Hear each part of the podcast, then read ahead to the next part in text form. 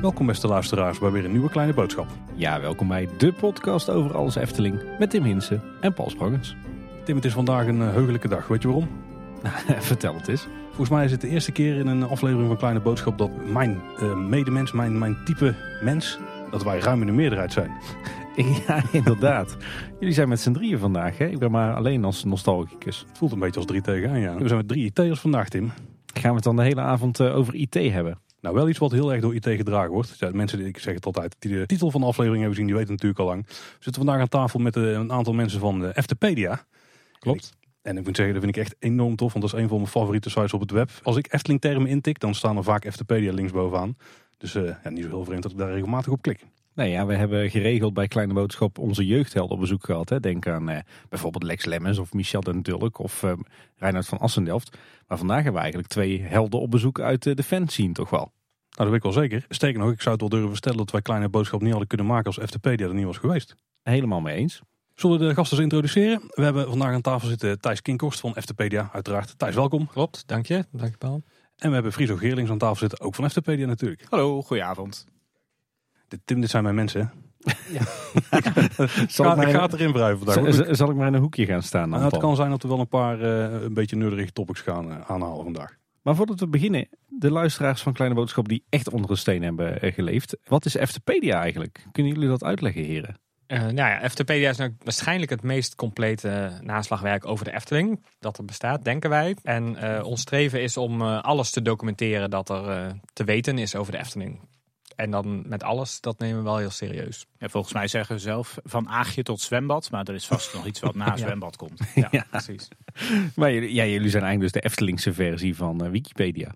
Ja, ja, dat is ook echt wel uh, een beetje waar je denk ik het beste mee kan vergelijken. Ook wel qua type aanpak en uh, qua technologie ook voor een heel groot deel. Ja, daar willen we zo meteen alles over weten natuurlijk. Daar gaan we het ook uitgebreid over hebben. Maar voordat we dat gaan doen, vertel eens wat meer over jezelf. wie ben je? Wat doe je? Uh, en wat doe je binnen het team uh, Eftepedia? Ja, ik ben uh, Friso Geerlings. Ik ben 42 jaar oud, al heel erg lang Efteling-fan. In het dagelijks leven ben ik Technology Director, zoals het mooi heet, bij ja, het bedrijf wat vroeger Isaac heette en nu IO. dus eigenlijk een heel technisch, technisch beroep ook. Ja, en bij Eftepedia ben ik één van de editors. Nou, en ik ben uh, Thijs Kinkhorst. Ik ben inderdaad ook een van de editors van Eftepedia. Uh, ook al uh, lange tijd Efteling fan. we kennen elkaar natuurlijk ook uit de Efteling fan scene. ik werk in dagelijks leven als, inderdaad als IT'er bij, bij SURF, de IT-organisatie voor het Nederlands hoger onderwijs. En ik woon in Utrecht met mijn vrouw en twee jonge dochters. Een peuter en een kleuter. Net als wij eigenlijk. Behalve dat we in Utrecht wonen. ja, precies. Ja. Jullie zeggen allebei dat jullie al heel lang uh, Efteling-liefhebber zijn. Uh, en dat kan ik wel bevestigen, want uh, lang voordat Eftepedia bestond, kennen wij elkaar al volgens mij. Ik denk uit omstreeks het jaar 2000 zelfs al. Hè? De tijd van, wat was het toen? Twinkelchat en Wonderchat. En daarna kwam Eftelist. Want daar komt Eftepedia ook een klein beetje uit voor, toch? Ja, dat, dat klopt. Volgens mij inderdaad ik denk Tim dat ik jou ook zo'n beetje uit uh, 2000 of 2001 al, al ken van de Wonder-meetings. Uh, ja. Van het Groot Efteling Genootschap, waaruit natuurlijk ook de mailinglist Wonderchat destijds voortkwam. Ja, er is inderdaad, destijds had je natuurlijk allerlei losse fancommunities eigenlijk, wat nu allemaal naar social media is gegaan zo'n beetje. Maar het waren allemaal losse platformen. Ja, Wonderchat was belangrijk. daarnaast bestond inderdaad Twinkelchat websites zoals het wonderlijke wc-web, waar ik zelf ook destijds de basis eigenlijk van gelegd heb en een heel groot deel van heb geschreven en gefotografeerd. Ik zou zeggen dat wonderlijke wc-web wel echt de voorloper van Eftepedia genoemd kan worden, denk ik op een bepaalde manier. Uh, voor wie die website niet kent, nou, dat, die is gewoon nog online uh, sinds 2003 niet meer bijgewerkt, denk ik, Friso. Ja, is wel digitaal antiek, zou ik zeggen. Ja, digitaal antiek en hij doet het nog. Uh, maar dat is wat mij betreft, want ik was zelf niet bij het wonderlijke wc-web betrokken. dat is voor mij ook wel echt een, een website geweest die al heel erg aansluit bij wat wij voor ogen hebben. Het, wel, het heeft heel eigen karakter natuurlijk. Het wonderlijke wc-web is veel meer nog gericht op het creëren van sfeer en, en niet altijd op, op de maximale droge feitjes. maar wel gewoon op het wonderlijke wc-web zijn een paar attracties helemaal uitgediept, maar dan ook echt uitgediept. En dat is voor mij echt een, een, model geweest ook voor wat we met Eftepedia wilden doen. Ja, ik sta trouwens echt niet meer in voor de kwaliteit van die informatie. Hoor, Want we updaten daar niks van je van. En intussen weten we van een heleboel zaken dat er weinig van klopt. Maar goed, destijds was het een dappere poging, denk ik. Er staan ook wel veel mooie verhalen op. Ja, dat is absoluut waar. Dat is absoluut waar. Zeker een bezoekje waard eh, voor onze luisteraars. We zullen de link in de show notes zetten. Maar als ik het zo hoor, kunnen we dus wel stellen dat jullie eh, allebei van kinds af aan al uh, groot liefhebber zijn van de Efteling. ja, nee, dat is absoluut waar. het is niet dat ik nou als kind eindeloos veel naar de Efteling ging. Want die mogelijkheid was er eigenlijk niet echt. Ik woonde wel enigszins in de buurt in Eindhoven. Maar toen ik echt jong was, ging ik denk 1 tot 2, misschien bij uitzondering ooit drie keer per jaar. Uh, maar eigenlijk vanaf zo'n beetje 1999 is het wat meer uh, door het online fandom ook uh, toegenomen. En ja, toen is het abonnement erbij gekomen en sindsdien ja, is het toch wel flink losgegaan. Ja, dat geldt voor mij hetzelfde. Ja, je merkt inderdaad dat zodra die online fancommunity een beetje daar kwam, dat je ook uiteindelijk zeg maar, dat een versterkt effect heeft gehad op het, op het fandom. Ja, dat je dan daarvoor toch wel gewoon geregeld ging, maar niet dat het toch echt, ja, nu ga ik echt heel vaak. En niet zo vaak als sommige mensen aan deze tafel, uh, als ik dit dan mag geloven. Nee. En wat is dan in jullie ook zo bijzonder aan Efteling? Waar, waar is datgene waar jullie op hebben gefocust en niet uh, op, uh, ik weet niet, een stripboekenserie of een filmserie of net dan ook?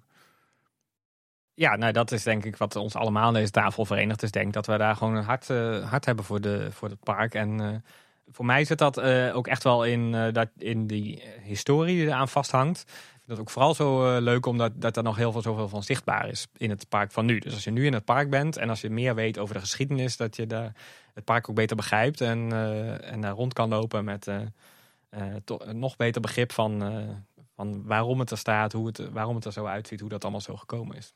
Ja, ja, ik, absoluut, daar ben ik het wel mee eens. Daarnaast vind ik zelf ook gewoon de overall ontwerpkwaliteit en de originaliteit van ontwerp heel belangrijk. Want ik ben zelf helemaal geen uh, thrill seeker.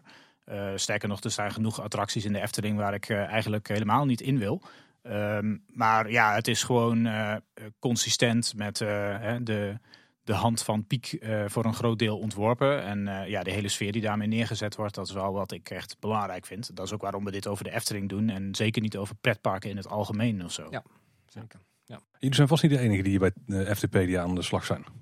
Uh, nee, dat klopt. Uh, want we, ja, we moeten denk ik zeker uh, noemen dat als het ware de redactie van Eftelist en een aantal mensen daarvan eigenlijk begonnen is met Eftepedia.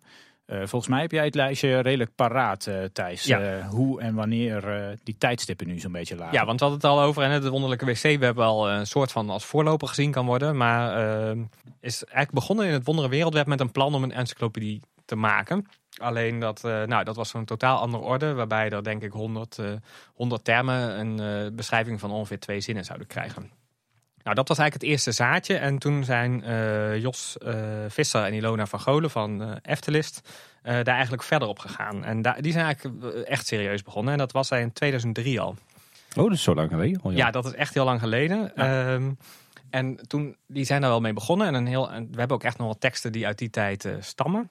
Uh, maar toen heeft het eigenlijk een jaar of zeven geduurd voor het pas echt losging. En dat was eigenlijk in 2010. Want toen heeft Jos, dus eigenlijk Jos, eigenlijk de initiatiefnemer, uh, Jos Visser, uh, die heeft toen eigenlijk bedacht om Friso, mij, Ramon Heren en nog een anonieme bijdrager een account te geven. En gezegd, hey, kunnen jullie niet even meehelpen? Nou, en dat even meehelpen, dat is eigenlijk sindsdien nooit meer opgehouden. Dus eigenlijk als een razende begonnen om uh, van alles en nog wat te schrijven. Want dat was eigenlijk wel leuk. In die zin was het een blanco vel. Van het idee was om een encyclopedie te maken. Alleen er was nog helemaal niks. Dus eigenlijk over alles waar je over schreef was, uh, was welkom. Dus we hebben geschreven van... Uh, uh, ja, van een sprookje in het Sprookjesbos uh, tot een horecapunt tot een Pardoes uh, twinkelmenu. alles kon nog ingevuld worden. ik heb zelf toen een mooi lemma geschreven over de stankcirkel bijvoorbeeld. ja, ja zo'n onderwerp. ja, er zijn, het was helemaal greenfield, dus dat was hartstikke leuk. Eindeloze hoeveelheden winter Efteling entertainment lemma's van kou kabouters tot frisse frulles en dat soort zaken. Ik heb me altijd afgevraagd wie daar nou achter zat, achter al die lemma's. Nou, toch een heel groot deel daarvan zijn wel door mij geschreven. Ja. Ah, ben jij dat? Kijk, mooi. Ik vond het entertainment uh, dingen. Ja, het is eigenlijk iets waar ik helemaal niet zoveel om geef. Maar ik vind het dan wel fijne kleine lemmaatjes om even in een kwartiertje in elkaar te zetten. Als ik een foto heb en even omschrijf wat ik op die foto zie en me herinner hoe het ook alweer zat. Dan is het vaak net genoeg. En met een oude brochure kun je achterhalen wanneer het speelde. Nou, klaar, live. Ja, Ja, toen zijn we eigenlijk met dat team begonnen. En dat is denk ik eigenlijk nog steeds het team. eh, eh, en ik denk Ramon, eh Friso, ikzelf zijn, nu de, de grootste bijdragers. En sinds, sinds een jaar hebben we Maxime erbij, onze nieuwe, nieuwe kracht aan het firmament. Wij schrijven eigenlijk alle, alle content met z'n vieren. En we hebben wel een heel andere manier van werken. Ehm, ik ben eigenlijk de hele tijd bezig met, met dingen toe, toe te voegen, aan te passen, te wijzigen. Ehm, Friso eh, werkt meer, eh, af en toe gaat hij, eh, gaat hij echt aan de slag. En dan gaat hij dan iets, iets helemaal uitwerken. En dan is het weer een tijdje rustig. En Friso die heeft, die reviewt ook bijvoorbeeld heel veel van het werk dat ik nog doe. Zodat het wel de hele tijd bezig blijft. En Ramon bijvoorbeeld, is, die, weet, die weet gewoon alles. Dus dat Ja. is gewoon enorm handig om een feiten, feitenkanon bij de hand te hebben. Ja, absoluut. nou, en zo hebben we allemaal een beetje onze eigen, eigen rol. Ik denk dat het niet, eh, niet heel gek is als ik, eh, als ik roep dat jullie eh, als team Eftepedia wel echt de Efteling-kenners zijn, toch? Ha, Ja, het is moeilijk om dat natuurlijk echt objectief te toetsen. Maar goed, er zijn eh, wat, wat pubquizzen geweest. Ja, precies. als we deelnamen, ons team uiteindelijk ook wel gewonnen heeft. Maar ik denk dat dat dus ook wel komt doordat het gewoon helpt als je dingen opschrijft en er een paar keer zo'n tekst reviewt. Dan blijft het gewoon redelijk in je hoofd hangen. Ja. Ja. het is een klassieke speakbriefjes tactiek. Gewoon Ja. van tevoren een speakbriefje schrijven en dan weet je het eigenlijk al zonder te Ja. kijken. Hey, iets wat ik me trouwens altijd heb afgevraagd. Eigenlijk twee dingen. Laat ik eh, bij het begin beginnen. Ik riep net al lemma's, maar ik dacht ooit begrepen te hebben dat het meervoud van lemma lemmata is. Hoe zit dat nou? Ja, ik vind Lemata eigenlijk wel mooier. En ik hou ook eigenlijk wel van dat soort taalgebruik. Eh, eh, we krijgen ook wel eens opmerkingen over. Hè. Dan staat er in een lemma heur haar. En dan, dan is het bijvoorbeeld haar haar. Hè. Het haar van Doornroosje is haar haar. Maar je mag ook heur haar zeggen. Dat geeft mij dan een enorm genoegen om daar dan heur haar te zetten. Ja, Ehm, maar Lemata, ja, het is eigenlijk wel mooier dan ja Lemma's. dus maar- eh, heeft natuurlijk een Griekse, Griekse stamlemma. dus, eh, Ja. ja. Ja. dus daar houden we wel van inderdaad. Om, eh, om inderdaad daar wel even... Ik bedoel, we, het, met het taalgebruik proberen we niet eh, een beetje weg te blijven bij al te veel... Het moet begrijpelijk zijn, maar bij al te veel Jip en Janneke taal. Maar juist... eh, zoals, soms was een discussie, dan zegt iemand het woord, dat, kent, dat kennen mensen niet. Maar dan zeggen ja, het is helemaal niet erg als je een keer een nieuw woord leert. Zoek je het maar op. Ehm, eh, dat hanteer je wel een beetje als, als stijlmiddel. Om eh, inderdaad gewoon de tekst een beetje levendig te houden. Ja, ik vind niet al te kort droog te maken ook van. Ja. Zeker. Ik vind het ook altijd juist wel leuk aan eh, kleine boodschappen ook. Want eh, ja, Tim, je bent ook altijd iemand die natuurlijk graag vakjargon eh, vanuit Ja. Ja. het openbare ruimtedomein gebruikt. Ik heb al veel geleerd inderdaad ja, over pironnen. En, Ja, precies. weer. Maar ik vind dat wel, ja, dat zijn ook van die dingen. Ja, een piron op een dak heet een piron. En een hangend torentje op een hoek is een arkeltorentje. Dus ja, waarom zou je het ook niet in de tekst zo noemen? Hè? Dus, ja. Ik kan jullie aanraden om nooit een cursus begrijpelijke taal te volgen bij een overheidsinstelling, want je sterft gewoon ter plekke. en, en nog iets anders wat ik me trouwens afvroeg. Er is eh, volgens mij eh, heel lang geleden ook zoiets geweest als de Eftelclopedie. Volgens mij eh, zat ja. Jorg Kennis daarachter met, met Kim. Heeft, dat, heeft, heeft dat ook nog een relatie tot Eftepedia?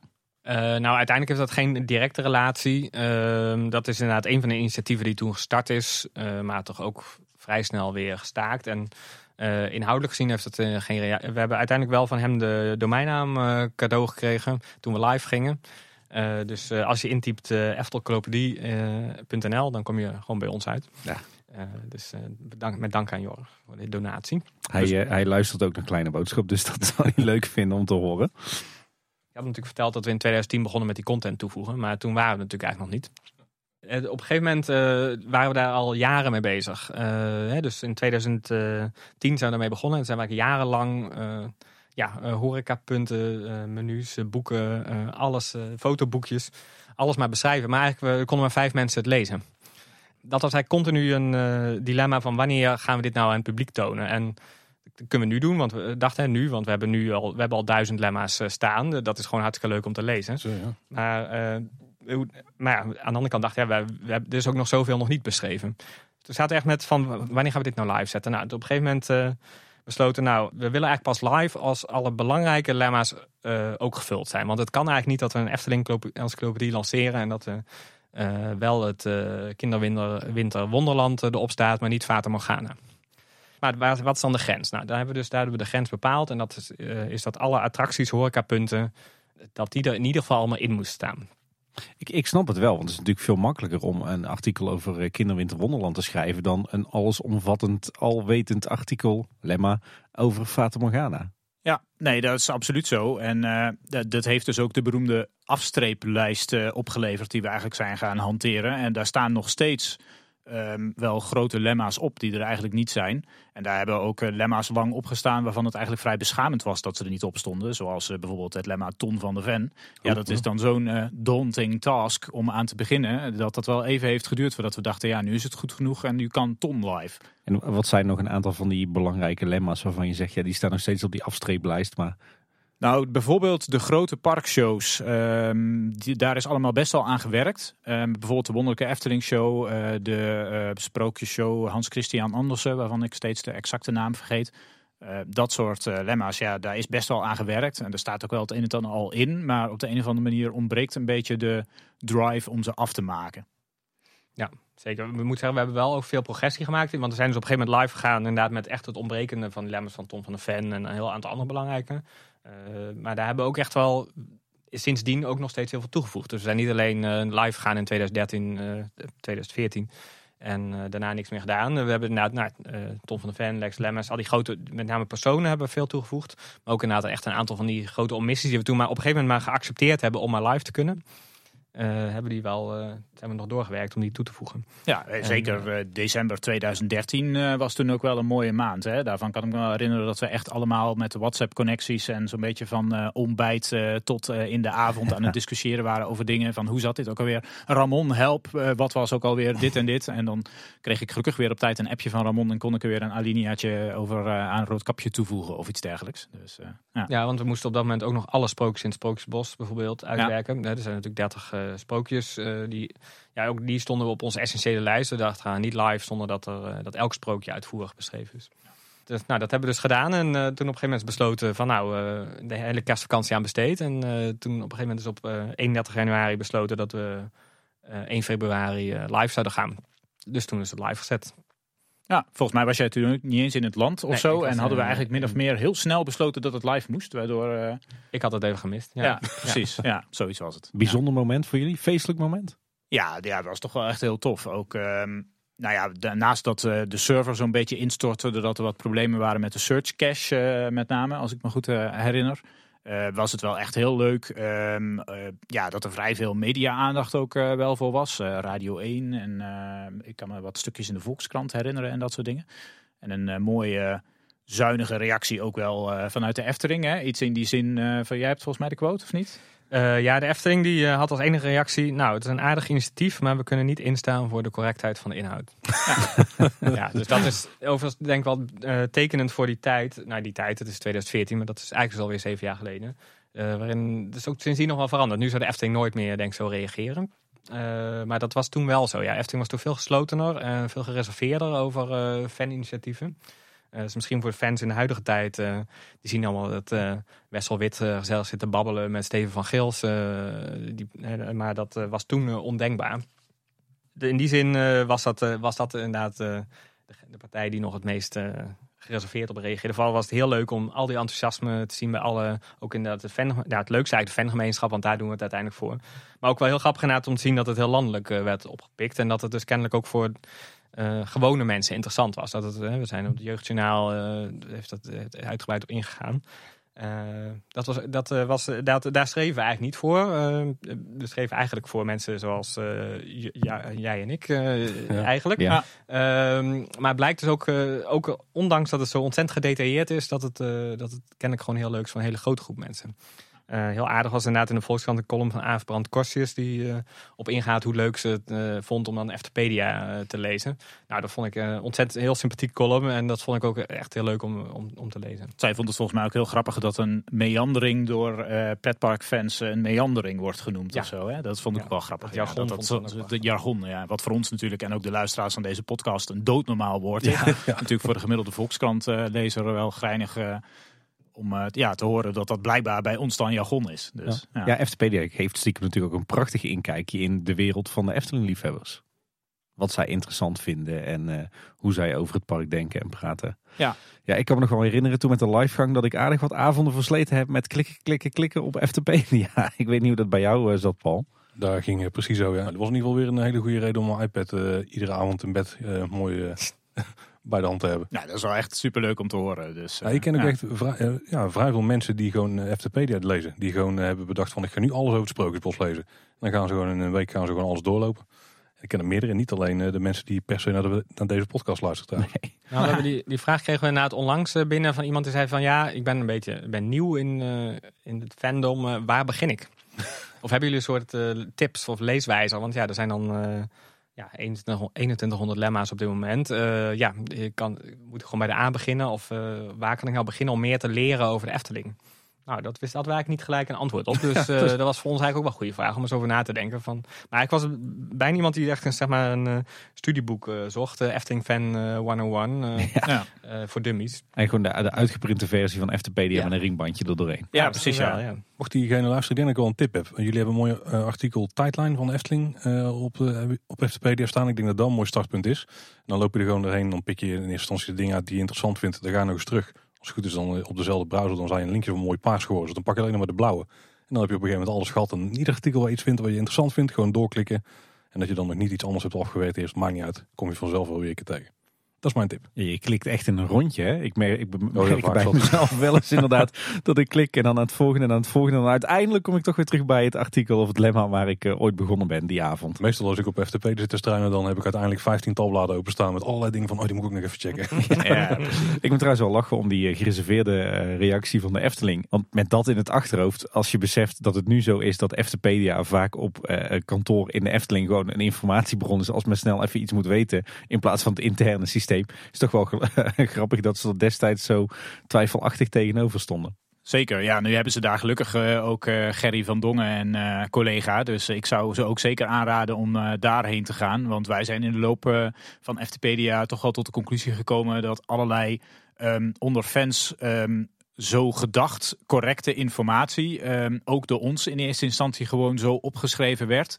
En daarna ja, aan de nodige revisie onderhevig is geweest. Uh, er is best wel veel gecorrigeerd. En ja, we doen heel erg ons best om correcties ook meteen mee te nemen. En als we die binnenkrijgen, dan kijken we daar ook echt serieus naar. Maar er zullen zeker nog steeds fouten in staan. En uh, ja, sommige onderwerpen zijn ook gewoon een beetje ja, gehuld in de nevelen der tijd van de Efteling-geschiedenis. zeker als je naar onderwerpen als de stem van de Indische waterladies kijkt. En hoe dat nou precies zat destijds, hè, met het uitzoeken daarvan. Ja. Dat soort dat dingen. wist de Efteling natuurlijk zelf ook niet meer. Oh, die moet je dan even gelijk toelichten. Dan, dan gaan we wel heel erg diep in op de materie. Maar die wil ik wel weten. Want hoe zat dat dan? Want dat is best wel een speurtocht geweest bij jullie, toch? Ja, dat is best wel een speurtocht geweest. En, uh, maar uh, daar zijn we op een gegeven moment uh, terechtgekomen bij G. van Dongen, de archivaris van, van de Efteling. Maar, want de aanleiding was eigenlijk de tentoonstelling over de uh, die 50 jaar bestond. En, maar toen bleek eigenlijk dat zij daar ook al mee bezig was. Want voor die tentoonstelling, want eigenlijk bleek dus eigenlijk dat Efteling het zelf ook al niet meer wist. Wie, nou, want wij hadden daar dingen over opgeschreven. En onze bronnen zijn, uh, in dit geval waren juist ook weer oude fansites. Wat hier zeker ook genoemd moet worden nog is uh, Gnieletve, de oer-Efteling fansite. Nog steeds online. Voor het laatst aangepast in 2000, denk ik. Maar dat is voor ons eigenlijk ook wel een bron, want dat is juist een Efteling-fan die net één generatie voor ons actief was dus die heeft eigenlijk best wel veel informatie op zijn website gezet over een periode die wij eigenlijk nog net niet goed gedocumenteerd hadden. Dus, en dat bleek eigenlijk altijd wel een behoorlijk betrouwbare bron. Dus daar stond onder andere op uh, dat het ingesproken zou zijn door uh, Barbara Hofman. Het was op een gegeven moment inderdaad, was het allemaal, ja, het was vooral heel erg onduidelijk en we konden het eigenlijk niks echt goed staven. Toch maar een keer contact opgenomen met, uh, met Gerry van Dongen van de Efteling. Wel echt een heel uitzonderlijk iets, want ja, dat is echt, nooit. dat doen we echt nooit. Nee, precies. Ja. Want onze methode is inderdaad eigenlijk meestal andersom. Hè. We beginnen eigenlijk altijd met uh, uh, ons onderzoek met ja, juist alles wat wij zelf kunnen uitvinden. we gaan niet, bij, dat zit Efteling ook niet op te wachten dat wij gaan zitten bellen met elke vraag en dan dat wij het daarna allemaal gaan opschrijven. Tenminste, ik neem aan dat ze er niet op zitten te wachten. als ze wel op zitten te wachten, dan kunnen ze, kunnen ze laten weten, want dan hangen we aan de lijn. hebben jullie nog een puntenlijstje? Ja. nee, maar ik kan me ook voorstellen, maar dat is ook helemaal nooit ons, ons doel geweest. wij willen hen daar ook niet mee lastigvallen. wij zorgen zelf wel dat we aan onze informatie komen. Dat is ons idee, maar dat is ook wel een beproefde methode gebleken. Omdat blijkt als je inderdaad van, juist vanuit buiten begint met zoeken, dat je ook uh, hele andere informatie boven water krijgt dan als je de officiële kanalen bewandelt. Dan krijg je over het algemeen mee ook wat inderdaad, nou ja, wat bijvoorbeeld de eindconclusie was, maar niet wat er bijvoorbeeld allemaal aan dingen overwogen is of wat er allemaal dingen achter zit. En inderdaad, maar het bleek dat zij dat ook aan het uitzoeken was. En op een gegeven moment waar ze inderdaad achter gekomen dat het dus Reni de Laney uh, is geweest, een, eh, een, kantoormedewerker die inmiddels in Australië woonde, uh, geëmigreerd was. En Gerry heeft haar toen gebeld en die heeft inderdaad gewoon gevraagd van ben jij de stem van de Indische waterlelies? Kunt u het volgende zinnetje herhalen? Ja. Zoiets zal het ja. zijn. Ja. maar ze moest het echt aan haar vragen of zij het was en toen heeft ze dat bevestigd. En toen is dat ook door de Efteling ook in, de, in die tentoonstelling opgenomen. En toen konden wij dat ook gelukkig gelijk verwerken in het lemma. Maar dat, ja, dat was echt, dat wist dus ook de Efteling allemaal niet meer. Nee. nee. Ja, zo zie je toch inderdaad. Daar komen wij ook achter. Bijvoorbeeld, we hebben volgens mij nog een broodje aapverhaal over de geschiedenis van het waterorgel kunnen ontkrachten.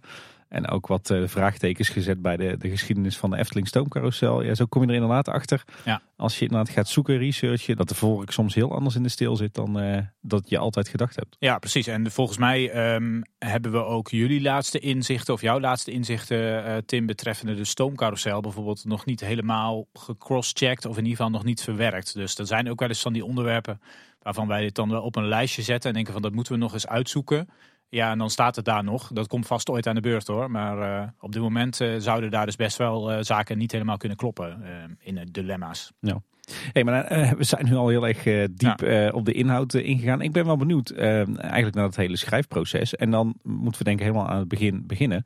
Want waar komt nou die lijst vandaan met alle lemma's, alle artikelen die jullie uit willen werken? Hebben jullie een soort van vergaarbak? En, en hoe komen daar onderwerpen op? Hoe, hoe werkt dat bij jullie? Nou, eigenlijk, uh, nou ja, alles kan een lemma krijgen. Hè? Dus dat is eigenlijk de vraag van wat kan überhaupt een lemma zijn? En dat is eigenlijk alles uh, kan een lemma zijn wat enigszins uh, relevantie heeft in de Efteling. Nou, en als jullie Eftepedia wel hebben gelezen, kan dat dus ook gewoon een individueel menu zijn. of een, of bepaalde, en best wel veel verschillende medewerkers ook.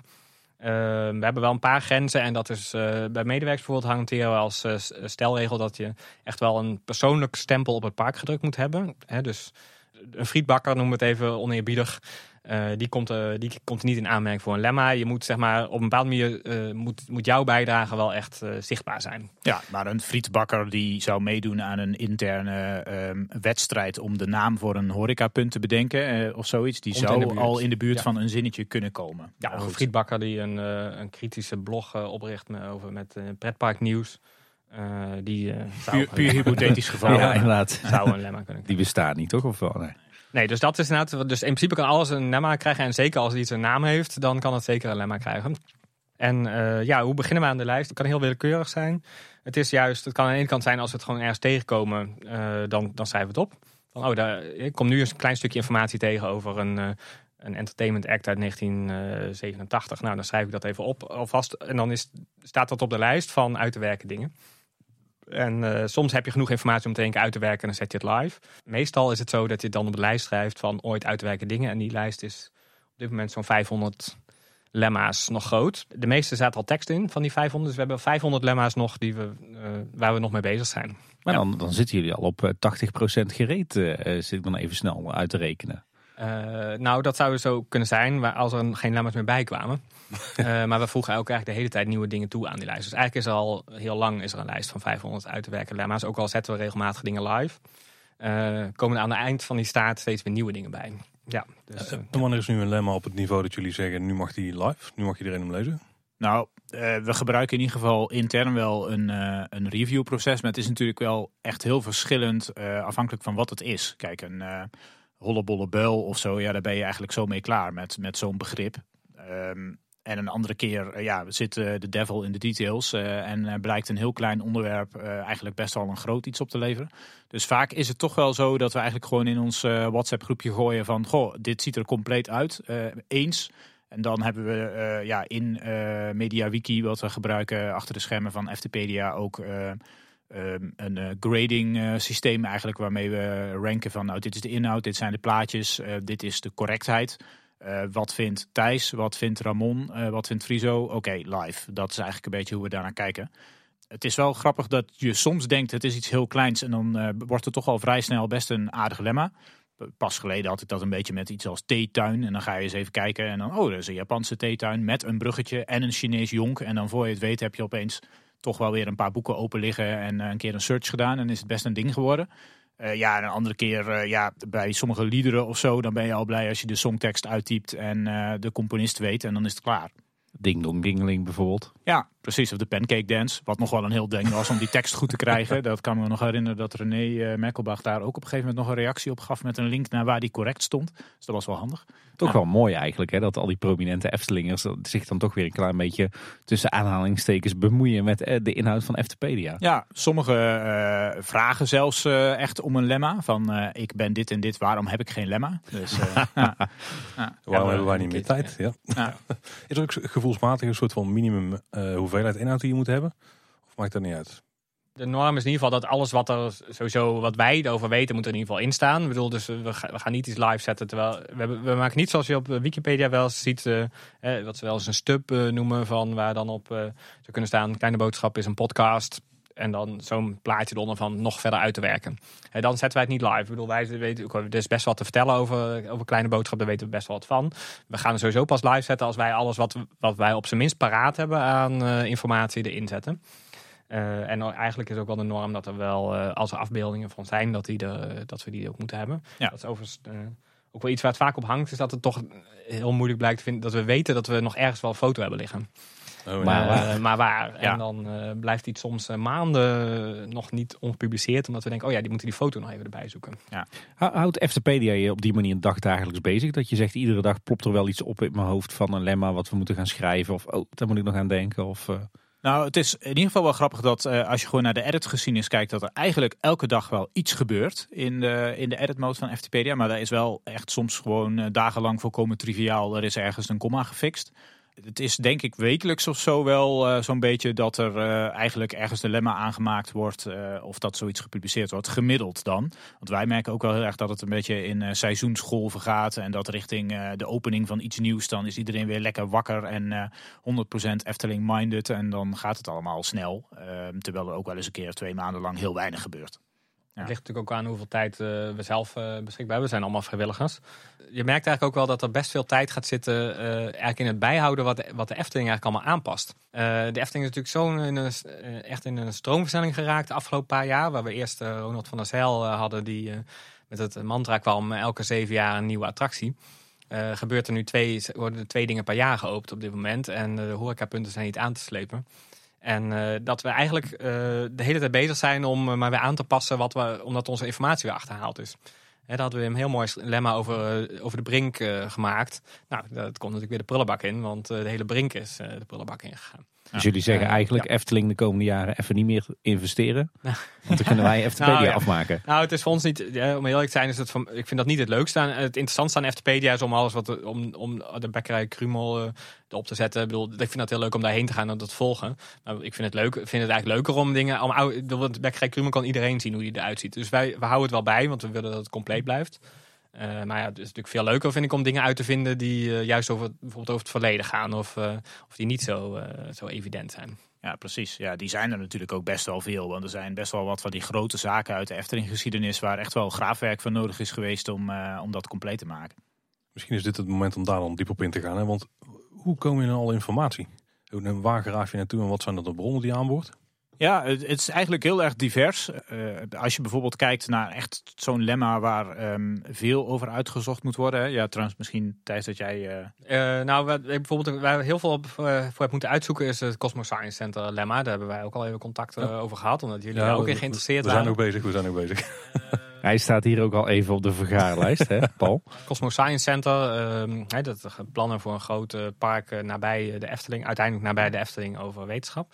Met onder andere Giet Titulaar in, uh, in de organisatie. Nou, het is eigenlijk heel, daar is eigenlijk door de Efteling nooit heel veel aandacht aan gegeven. In, uh, in de, hè, de chroniek, uh, het standaardwerk over de geschiedenis van de Efteling, wordt daar twee zinnen aan besteed. het is voor de Efteling altijd een heel extern project geweest, waar ze ook nooit heel erg over gepubliceerd hebben. Dus eigenlijk hadden we alle informatie daarover moeten hebben uit externe bronnen moeten halen. Nou, daar hebben we heel erg vertrouwd op, op archiefwerk en ook op op persoonlijke contacten met mensen die daarbij betrokken waren. En die ons daar ook uh, informatie over verschaft hebben.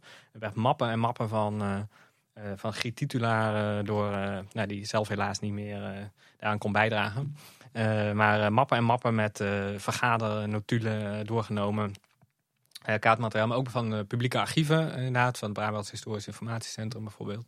Daar, daar rij je dan echt naartoe en dan zeg je, kom maar hier met die kratten. Met, absoluut. Ja, dat, dat doen we absoluut. Dus dat is inderdaad ook denk ik wel Uh, wat Eftepedia natuurlijk wel echt uh, toevoegt boven uh, gewoon even googelen. Ik bedoel, wij ontsluiten denk ik informatie die inderdaad in een doos in een archief ligt. die anders niet meer terug te vinden. Die eigenlijk alleen maar terug te vinden is. nu, ja, tegenwoordig is alles online, dus iets bestaat niet als, het niet, als het niet kan googelen. dus dat is denk ik een van de leuke dingen. Is dat we dingen uit die, uit die doos halen en en, beschikbaar maken voor het publiek. Ja, dat is ook wel leuk om, om daarmee soms uh, ja, hele triviale zaken toch echt super correct uh, erop te krijgen. Want als je bijvoorbeeld kijkt naar de hele bouwgeschiedenis van alles op, aan en rond het Witte Paard. Uh, ja. Oh ja. Ja, precies. Nou, dat is ook, ik denk ook wel een topic inderdaad, uh, uh, Tim, wat jij ook gewoon leuk vindt. ja, ja, als zeker. dat soort informatie klopt. Maar ja, je moet wel um, behoorlijk op verschillende plekken moet je zelfs bouwtekeningen gaan inzien om te weten wanneer bijvoorbeeld de toiletgroep is uitgebouwd of wanneer de gelaasde kat verbonden is met het gebouw ernaast. En ja, dan nog blijven er wel eens vragen over, want ook niet alles kun je daar precies aan zien. Maar het is wel heel leuk om dat soort dingen in orde te maken. En dat is sowieso soms wel tof. Ik moet zeggen, een enkele keer is het eigenlijk wel net zo leuk als je een jaartal exact kan maken. Dan als je een heel nieuw uh, lemma kan toevoegen of zo. En soms zitten ook van die details, ja, die komen overal vandaan. Want uh, jullie zijn natuurlijk net zo goed ook een bron. Uh, als je kijkt naar een interview zoals met Michel Dundurk, wat jullie een tijdje geleden hadden.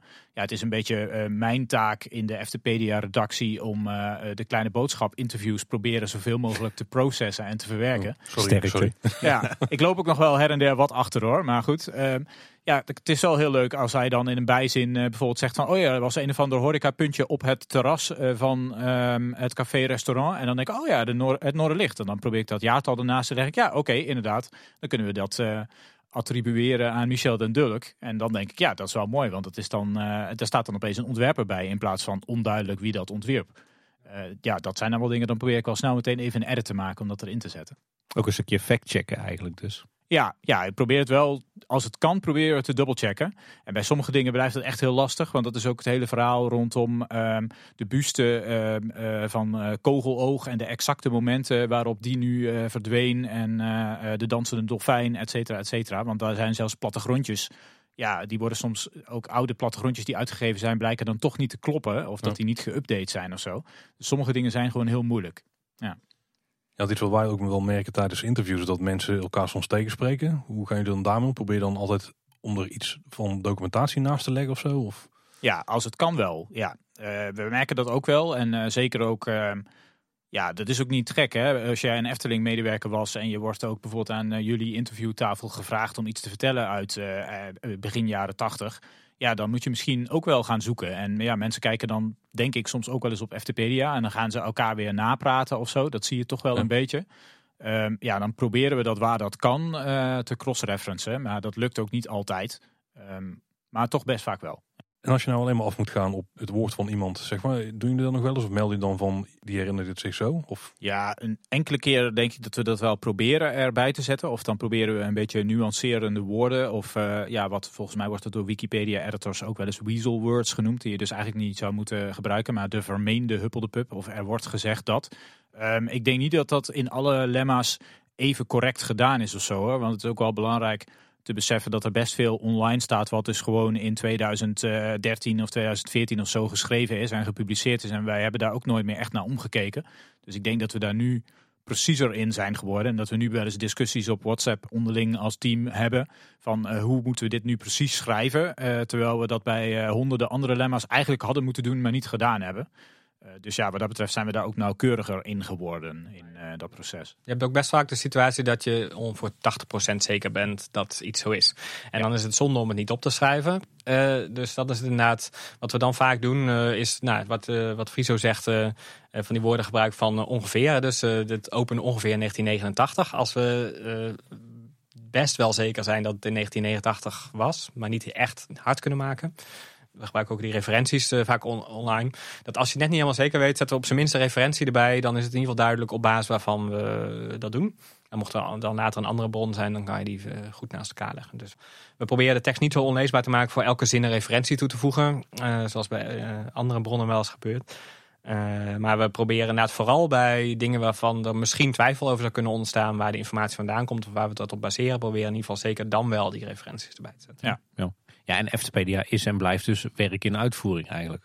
Ja, ja, absoluut. Ja. Dat, uh, um, ja, ik denk dat zelfs als je naar hoe, uh, hoe we schrijven, uh, daar zijn ook best wel dingen ook alweer veranderd in dat werk in uitvoering. Want we zijn best een beetje gaan schrijven als um, ja, Ronald van der Zel besloot bla bla bla. En we zijn, hebben ook geprobeerd dit soort dingen nu wat toegankelijker te maken. Door dan bijvoorbeeld in de tekst te zeggen. Um, Um, directeur park of algemeen directeur Ronald van der Zijl uh, schreef dit en dit of zei dat en dat. We proberen het steeds meer dat soort ja, kleine uh, toevoegingen in de tekst te doen, zodat het ook iets makkelijker voor een uh, buitenstaander te begrijpen is. Want ik kan me ook wel voorstellen, ja, inmiddels is het allemaal zoveel. En ja, kan misschien een, een jonge fan heeft bij bepaalde ontwerpers die dan voor oudere mensen nog wel iets zeggen, misschien ook helemaal niet direct een referentiekader. Dus dan proberen we die tekst iets toegankelijker te maken. Oké, dat is wel een mooie, want je hebt net uitgelegd hoe je aan je, je, je, wat, je, wat je bronnen zijn, hoe je aan je kennis komt. Maar dan moet je gaan schrijven. Hoe, hoe gaat dat in zijn werk? Ga je gewoon uh, uh, op een uh, zondagavond als je niks te doen hebt, pak je de bronnen erbij en ik ga even een beetje even wat uittikken op de laptop? Of hoe moet dat voor me zien? Ja, als je bijvoorbeeld naar echt een, een nieuw lemma kijkt. Stel we moeten iets gaan maken als ja, de zes zwanen of zo. Dat vond ik wel een voorbeeld van eentje die echt heel mooi gelopen is gewoon in, in het team. Dan verschijnen er eigenlijk vrij snel gewoon de kopjes en wordt er ook wel een beetje gekeken en uh, zeker uh, Ramon bijvoorbeeld in de redactie, die probeert ook uh, consistentie te bewaken. Dat we muziek ongeveer op dezelfde plek in het lemma zetten als normaal. Dus dan worden die kopjes als het ware gewoon geplaatst. En dan is het echt een beetje ja, afhankelijk van wie zin heeft om onder al die kopjes dan steeds gewoon 1, 2, 3 alinea's te plaatsen. Um, tegelijk hebben we ook bij heel veel lemma's nog een overlegpagina. Dat is iets wat je niet ziet, maar waarop dat is het op de gewone Wikipedia bestaat dat ook. Hè, maar waar we gewoon alvast informatie dumpen. Uh, vaak. En dan, ja, dan is het ook vaak een kwestie van even op de overlegpagina kijken. Oh ja, daar staat in drie zinnen hoe het zat. En dan proberen we er even een fatsoenlijke tekst van te maken. En dan heb je weer even een kwartiertje besteed en is dat gedaan.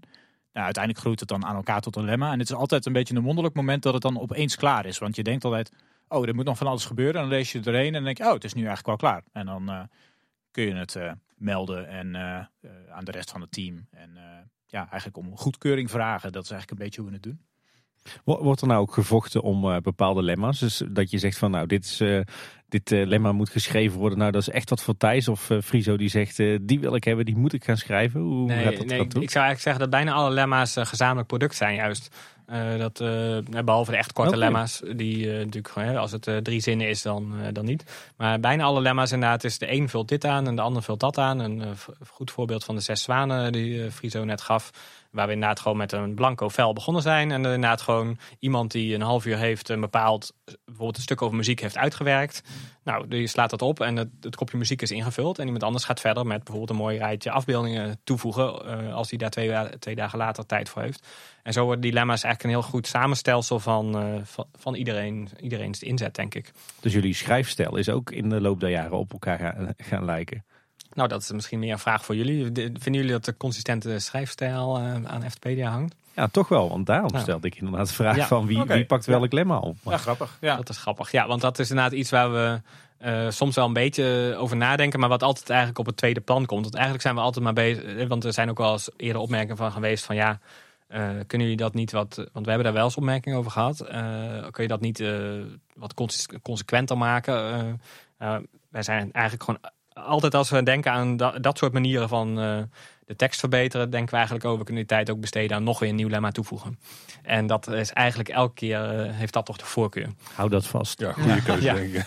ja, dus inderdaad, we, we, vinden dat niet super, we vinden het wel heel belangrijk. Er zijn wel een aantal gedeelde waarden, denken. En dat is, ik denk dat we heel belangrijk vinden dat de tekst een beetje, uh, dat het uh, wel een beetje uh, karakter krijgt. Hè? Dat het uh, niet dat gorddroge is wat je wel bij bijvoorbeeld Wikipedia wel ziet.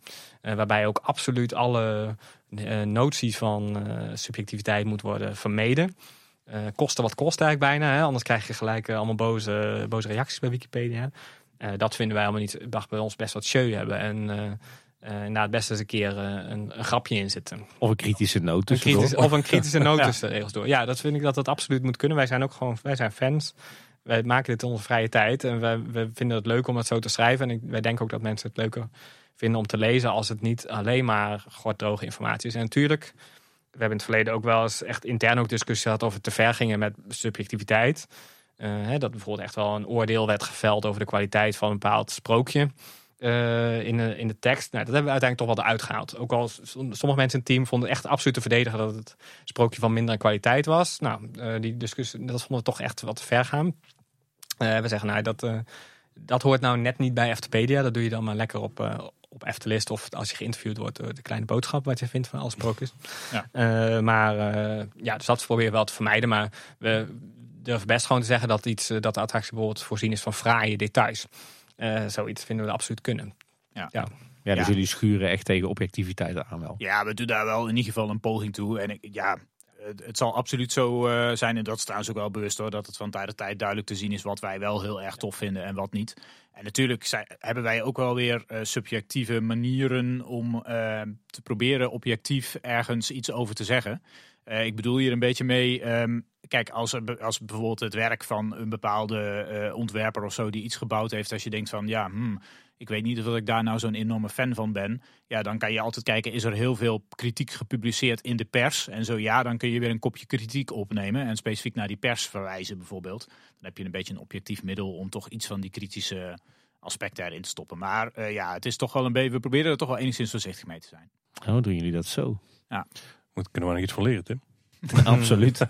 ik vind dat wel mooi, want als je dan een uh, artikel zit te lezen, super informatief. En dan af en toe er zit er zo'n grapje in. En dan uh, is het ook altijd zo'n extraatje wat je dan meekrijgt. Hè? Dat zijn die grinnik momentjes bij mij als ik uh, FTPDA lees. Ons lemma heeft ook een, een leuke trouwens bij een fotobijschrift.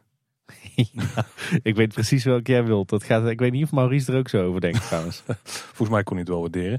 Heel veel uh, lemma's die hebben uiteraard de, de dingen die je gewoon kunt observeren. Hè. Dus uh, er is muziek, er is, uh, het is ontworpen, nou, het wordt gebouwd. Maar soms zit er ook een, nog een stuk bijna cultuurhistorisch perspectief bij. Of een stukje historie of iets wat misschien zelfs compleet ergens anders over gaat. Maar wel het onderwerp raakt. Ja. Daar is een deel persoonlijke interesse die dan ook nog meegeeft aan de lezers. Die ja, dus niet per se alleen maar in het park plaatsvindt. Een beetje algemene ontwikkeling eigenlijk. Eigenlijk wel, ja. Ja, ja. dat, dat is bijvoorbeeld ja, toch van tijd tot tijd wel iets wat, uh, wat ik zelf ook heel leuk vind om, uh, om toe te voegen. Uh, als ik ergens de achtergronden van kan vinden of zo. En ja, ik ben zelf ook echt wel een fan van het bezoeken van musea, eh, het bestuderen van, uh, van kunst en proberen architectuur en zo enigszins te doorgronden. Merk je niks van als je jou op Twitter volgt, Friso? Um, nou ja, dan is het wel leuk om, om, om, om, dwarsverbanden of zo die er echt zijn, om die te benoemen. En ja, van tijd tot tijd zitten er echt hele, hele leuke dingen bij, dat ik zeg zelf daar wel echt heel veel plezier aan beleef. Bijvoorbeeld, um, als je kijkt naar de update die aan de Piranha is gedaan, um, waarbij eigenlijk de oude piranha-thematiek, die heel erg gebaseerd was op ehm, wat uh, bijvoorbeeld de Nazca-Indianen of uh, ja, dat soort volkeren, Azteken en zo gebouwd hebben. Die is een beetje vervangen door eigenlijk een nieuw ontwerp met de waterspuwende god, als het ware. En toen kwam ik laatst bijvoorbeeld op een tentoonstelling in Leiden een soort relief tegen van de watergod Tlaloc van de Azteken met TL. Hè, zo al die Azteekse namen zijn altijd zo mooi met heel veel L'en en andere en X'en en zo. Ja, toen zag ik van, hé, hey, dat is wel echt bijna als twee druppels water uh, de Dios Gorgola of zoiets, zoals ze volgens mij uh, genoemd worden in het, uh, in het ontwerp.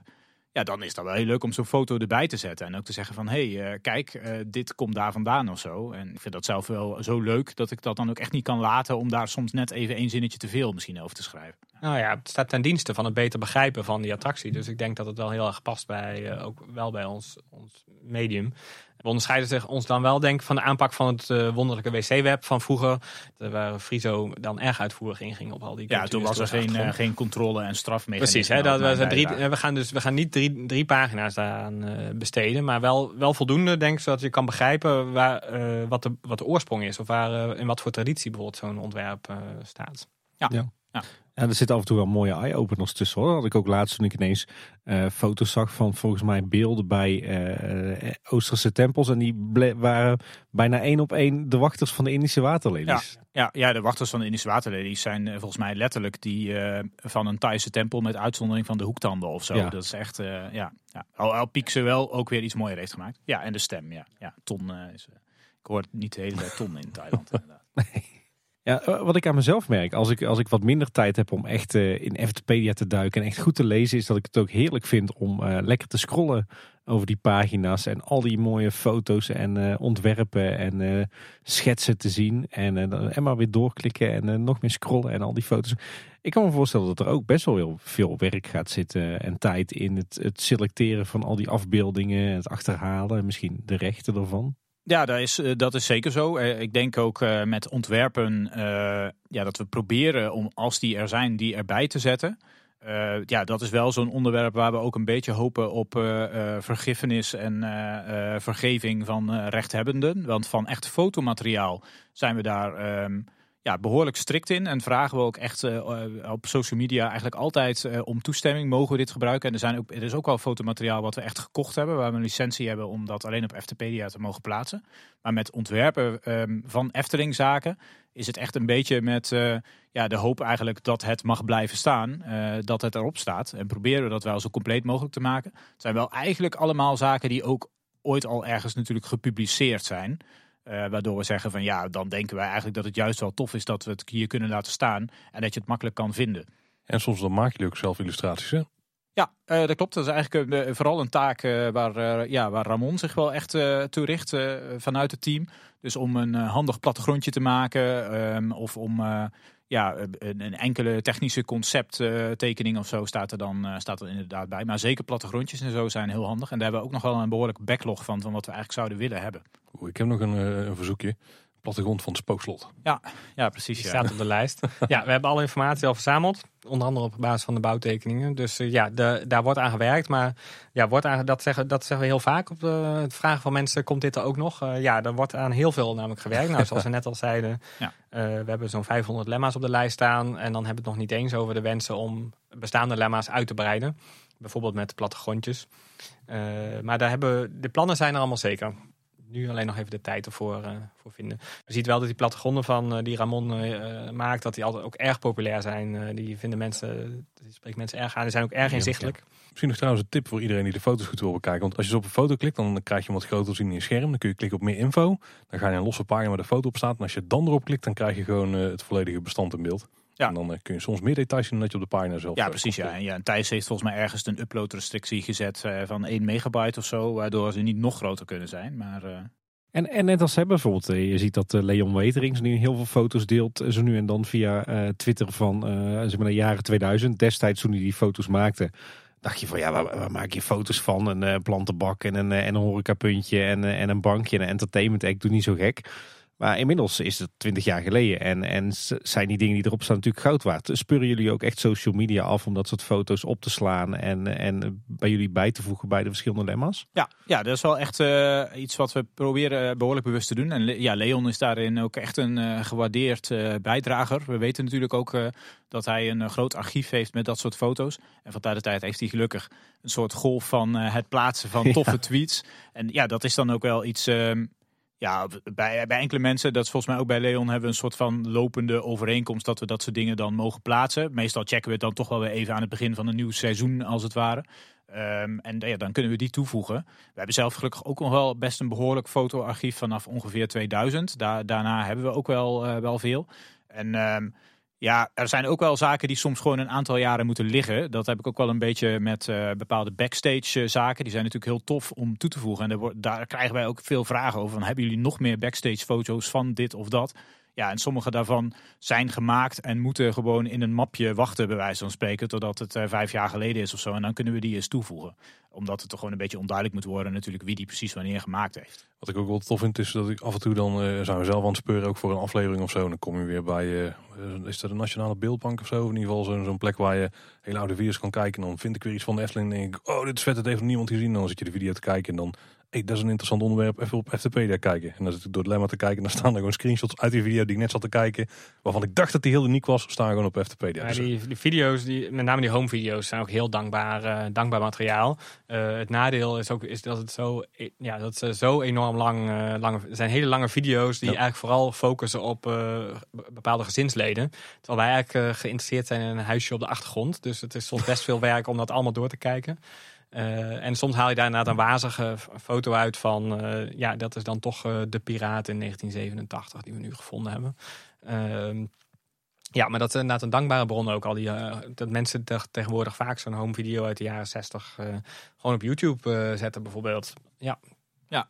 In de lemma staan echt ontzettend veel foto's. Maar weet je hoeveel beelden jullie hebben gepubliceerd op de site? Ja, we hebben, we hebben op dit moment 10.800 uh, foto's op de site staan. Wauw. Dus, ja. Ja, maar inderdaad, dat is dus uh, ook weer zo'n groot deel van het onzichtbare werk. Is ook gewoon steeds weer uh, bij alle bestaande lemma's. Hey, een leuke foto, een leuk nieuw plaatje. Dat is eigenlijk het gros van de, het werk wat er gebeurt. En zo is Ftpedia een ontzettend levend document. Waarbij een lemma dat eenmaal gepubliceerd is, eigenlijk nooit af is. En we zelfs bijvoorbeeld het lemma over Fata Morgana weer een betere foto uh, vinden van het schakelmateriaal. Uh, van de dimmas. Dus dan zetten we de foto van de dimmas erbij en dan is het weer beter geworden. En ik kan me voorstellen dat jullie de Fata Morgana documentaire van de vijf zintuigen, dat jullie ook uh, tien keer gaan kijken met een uh, kladblokje op schoot om al die zaken eruit te vissen die nog niet bekend waren. Ja, absoluut. En wat dat betreft, dat soort documentaires, uh, ja, super tof dat die gemaakt worden. En ook echt uh, ja, enorm gaaf dat er naast gewoon uh, de geschreven spulletjes van FTpedia dat soort dingen gemaakt worden. En zeker als het uit eerste hand is, hè, als mensen geïnterviewd worden, of er wordt weer eens uniek beeldmateriaal uit archieven ontsloten ja, dan gaan we daar zeker uh, mee aan de slag. Ja, daar is voor ons ook echt wel een rol. Uh, juist inderdaad, omdat natuurlijk het is, heel, het is prachtig, hè, wat, wat Friso zegt, helemaal mee eens. Maar het is eigenlijk niet goed doorzoekbaar. En uh, dat geldt misschien ook wel voor podcasts op een bepaalde manier. Dat eigenlijk hè, dus echt de informatie terugvinden. Van, ja, als je een documentaire van een paar uren hebt die op YouTube staat. hoe vind je daar nog iets in terug? Of hoe vind je eigenlijk terug dat überhaupt in die documentaire gaat over wat je wil weten? En dat zien wij ook wel een beetje als onze taak is inderdaad om, om al die dingen te bekijken. Alle podcasts te luisteren. Alle Twitter-feeds te volgen. En we verwerken het op een gestructureerde manier. Zodat je ooit, als je dus later zoekt op wat is eigenlijk allemaal bekend over pannenkoeken in de Efteling. Dat, je dat, dat je dat op een gestructureerde manier kan terugvinden. Zowel de, de pancake dance als het geplande pannenkoekenhuis achter Langnek kan terugvinden. En de magnetronpannenkoeken van het Dioramahal. Ja, nou, precies. Die staan daar zeker op. Ja. Zeker met klein duimpje, um, poedersuikervorm, schutsel en dat soort dingen. Ja. Ik ben wel blij dat, dat nu onze, onze nerdfactor Paul eens een keer niet, uh, niet zo opvalt in deze podcast. we, vallen mooi, we zitten mooi op dezelfde lijn wat dat betreft. Ja. We hadden net al over hoeveel foto's er op FTpedia staan. Met hoeveel lemma's zijn er eigenlijk live gegaan? Als we dan een beetje richting de statistieken. Uh, met, uh, uiteindelijk toen we dus op 1 februari 2014 live gingen, dan hadden we 1382 lemma's geschreven. Dus dat hebben we eigenlijk feitelijk gedaan in sinds 2010. Dus dat hebben we toch al in vier jaar tijd gedaan. Dus dat zijn, is bijna één per dag. Hebben we geschreven in die periode. Natuurlijk niet letterlijk één per dag. Vooral in wat Friso zei, in die laatste periode hebben we heel veel toegevoegd. Maar inderdaad, sinds nu zitten we dus op uh, ruim 2100. Dus dat betekent dat we dus ja, nog gemiddeld, nog zeker wekelijks gemiddeld een heel nieuw lemma toevoegen. En dat is nog afgezien van al die wijzigingen die we er continu doorvoeren aan de bestaande lemma's. Beide updates kun je trouwens ook mooi vinden bij jullie op de homepage. Want je hebt een kopje met nieuwe lemma's en een kopje met aangepaste lemma's. Ja, daarvoor hebben we trouwens ook een, een vinkje. En default staat dan uh, uit dat hij in die aangepaste lemma's uh, komt. Tenzij het een grote edit is. Maar dan moeten wij bewust wel dat vinkje uitzetten. Uh, of aanzetten eigenlijk, zeg maar. Dan komt hij in dat lijstje. En uh, dat is dus ook wel eens iets wat vergeten wordt. Dus het is ook niet helemaal 100% waterdicht. Maar goed, als het in dat lijstje staat, is er meestal ook wel echt iets nieuws te vinden. Of een, een leukere foto of zoiets. Dat is een beetje de bedoeling. Is wel een van onze meest gestelde vragen is van... Uh, kunnen we niet zien wat, wat jullie allemaal aanpassen? En uh, ja, dat zouden we best wel inzichtelijk willen maken. Alleen uh, dat, kost ons, uh, dat kost wel veel werk, uh, technisch gezien. Maar ook inderdaad van hoe gaan, hoe gaan we nou zorgen dat we inderdaad onderscheid maken tussen wat je niet wil weten. Dus als we een komma verplaatsen in een lemma. En wat, wat, wat is het nou interessant? En hoe geef je dan ook aan wat er veranderd is in een lemma? En eigenlijk al die dingen kosten allemaal werk. En dan komt het elke keer weer op hetzelfde punt neer. Van ja, we zullen jullie graag jullie inzicht geven wat allemaal wijzigt. Maar we kunnen onze tijd ook besteden aan nog weer meer lemma's toevoegen. En elke keer komen we toch terug op ja, ik ga nu mijn tijd toch besteden aan een nieuw lemma toevoegen. Ik vind het ook wel de sport hoor. Als jullie een lemma aanpassen, dan is het voor mij altijd de sport om te kijken wat is er toegevoegd en vooral waarom. Waar komt nu ineens die update vandaan? Welke video hebben ze gezien? Welk artikel hebben ze gelezen? Ik ben nog wel benieuwd naar meer statistieken. Um, ja, nou ja, wat bijvoorbeeld wel een aardige statistiek is, is de pagina waar het meest aan uh, uh, geëdit is. Dat is, uh, ja, dat zal misschien jullie ook niet helemaal verbazen. Dat is Fata Morgana. Want dat is natuurlijk als er één attractie is waar je eindeloos over uh, verder kan gaan. Zoals de vijf zintuigen ook aantonen. Is Fata Morgana. En daarna Carnaval Festival. Ja, waarschijnlijk omdat het natuurlijk ook toch een beetje een uh, attractie is met een bepaalde controversefactor uh, eromheen. En uh, tegelijkertijd ook um, iets waar natuurlijk heel veel aan verandert. Ik bedoel, er zijn weinig attracties waar zo de hele tijd aan gesleuteld is als aan Carnival Festival. Ja, bijvoorbeeld Fata Morgana, die heeft zo'n 270 edits gehad al als, als lemma. Ja.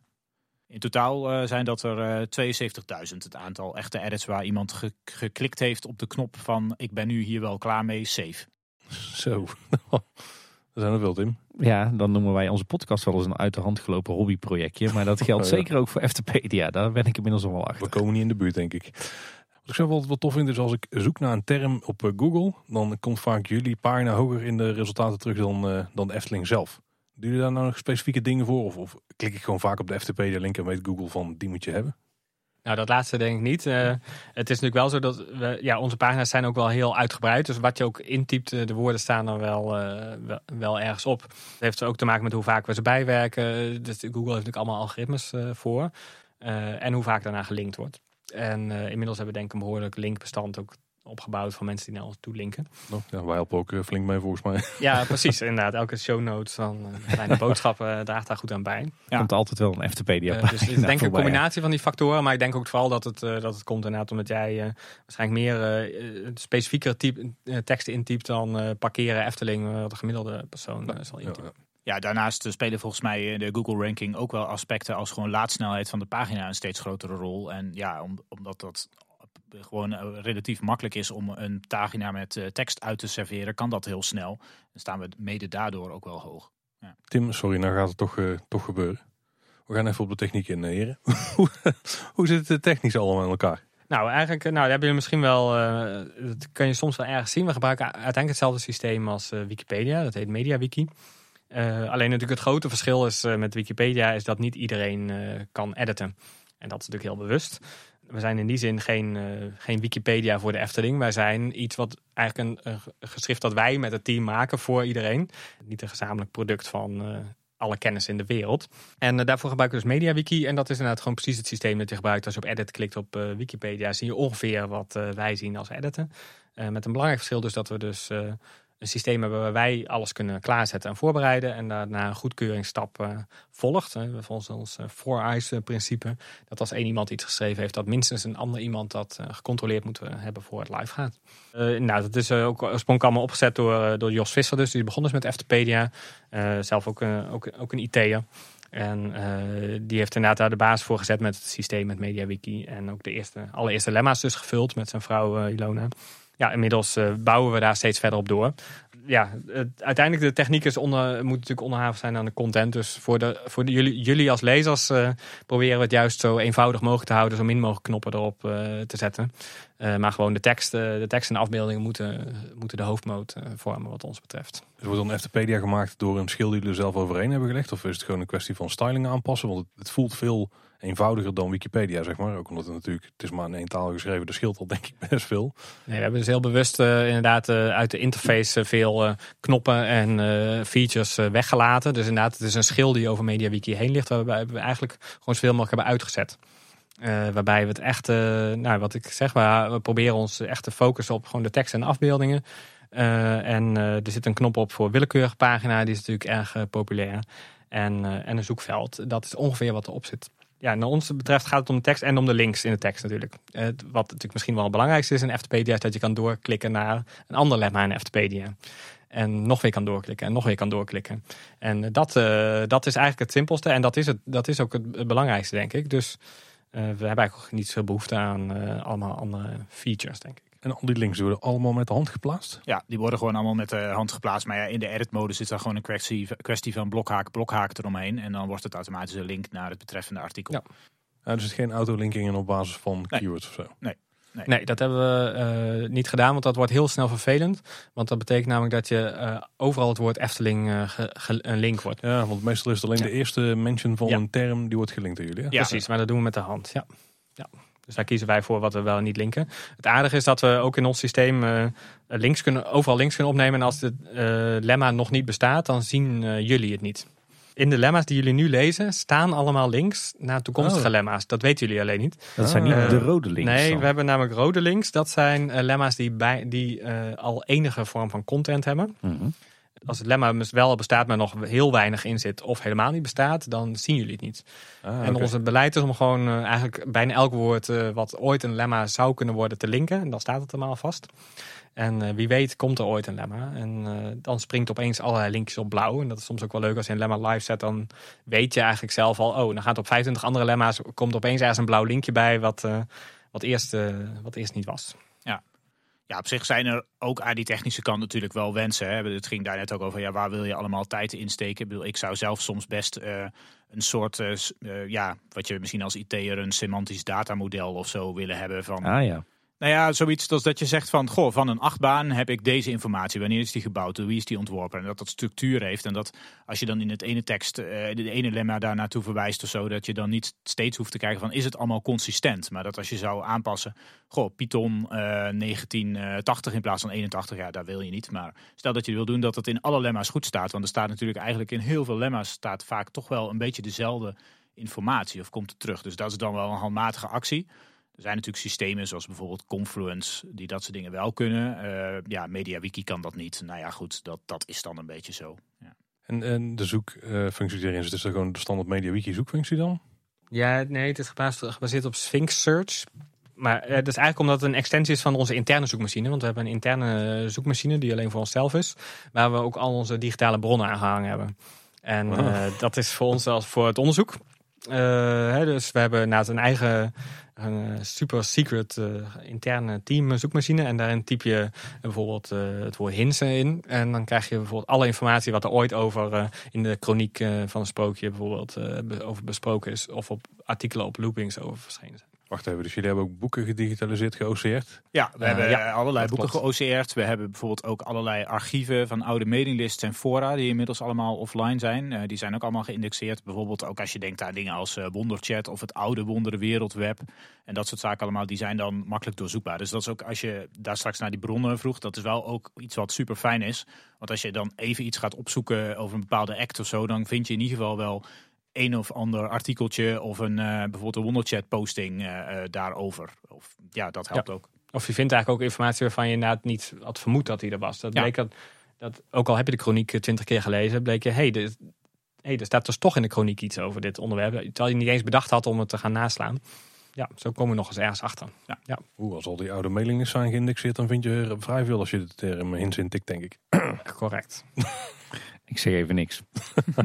Volgens mij eh, is het ook super nuttig als je een lemma zou willen schrijven over de storingsgeschiedenis eh, van bijvoorbeeld de totempaal eh, verlichting van het Carnaval Festival. En daar is veel over te vertellen. Absoluut. Hey, eh, ik ga gauw door naar een ander onderwerp. als jullie het goed het wordt me te heet onder de voeten.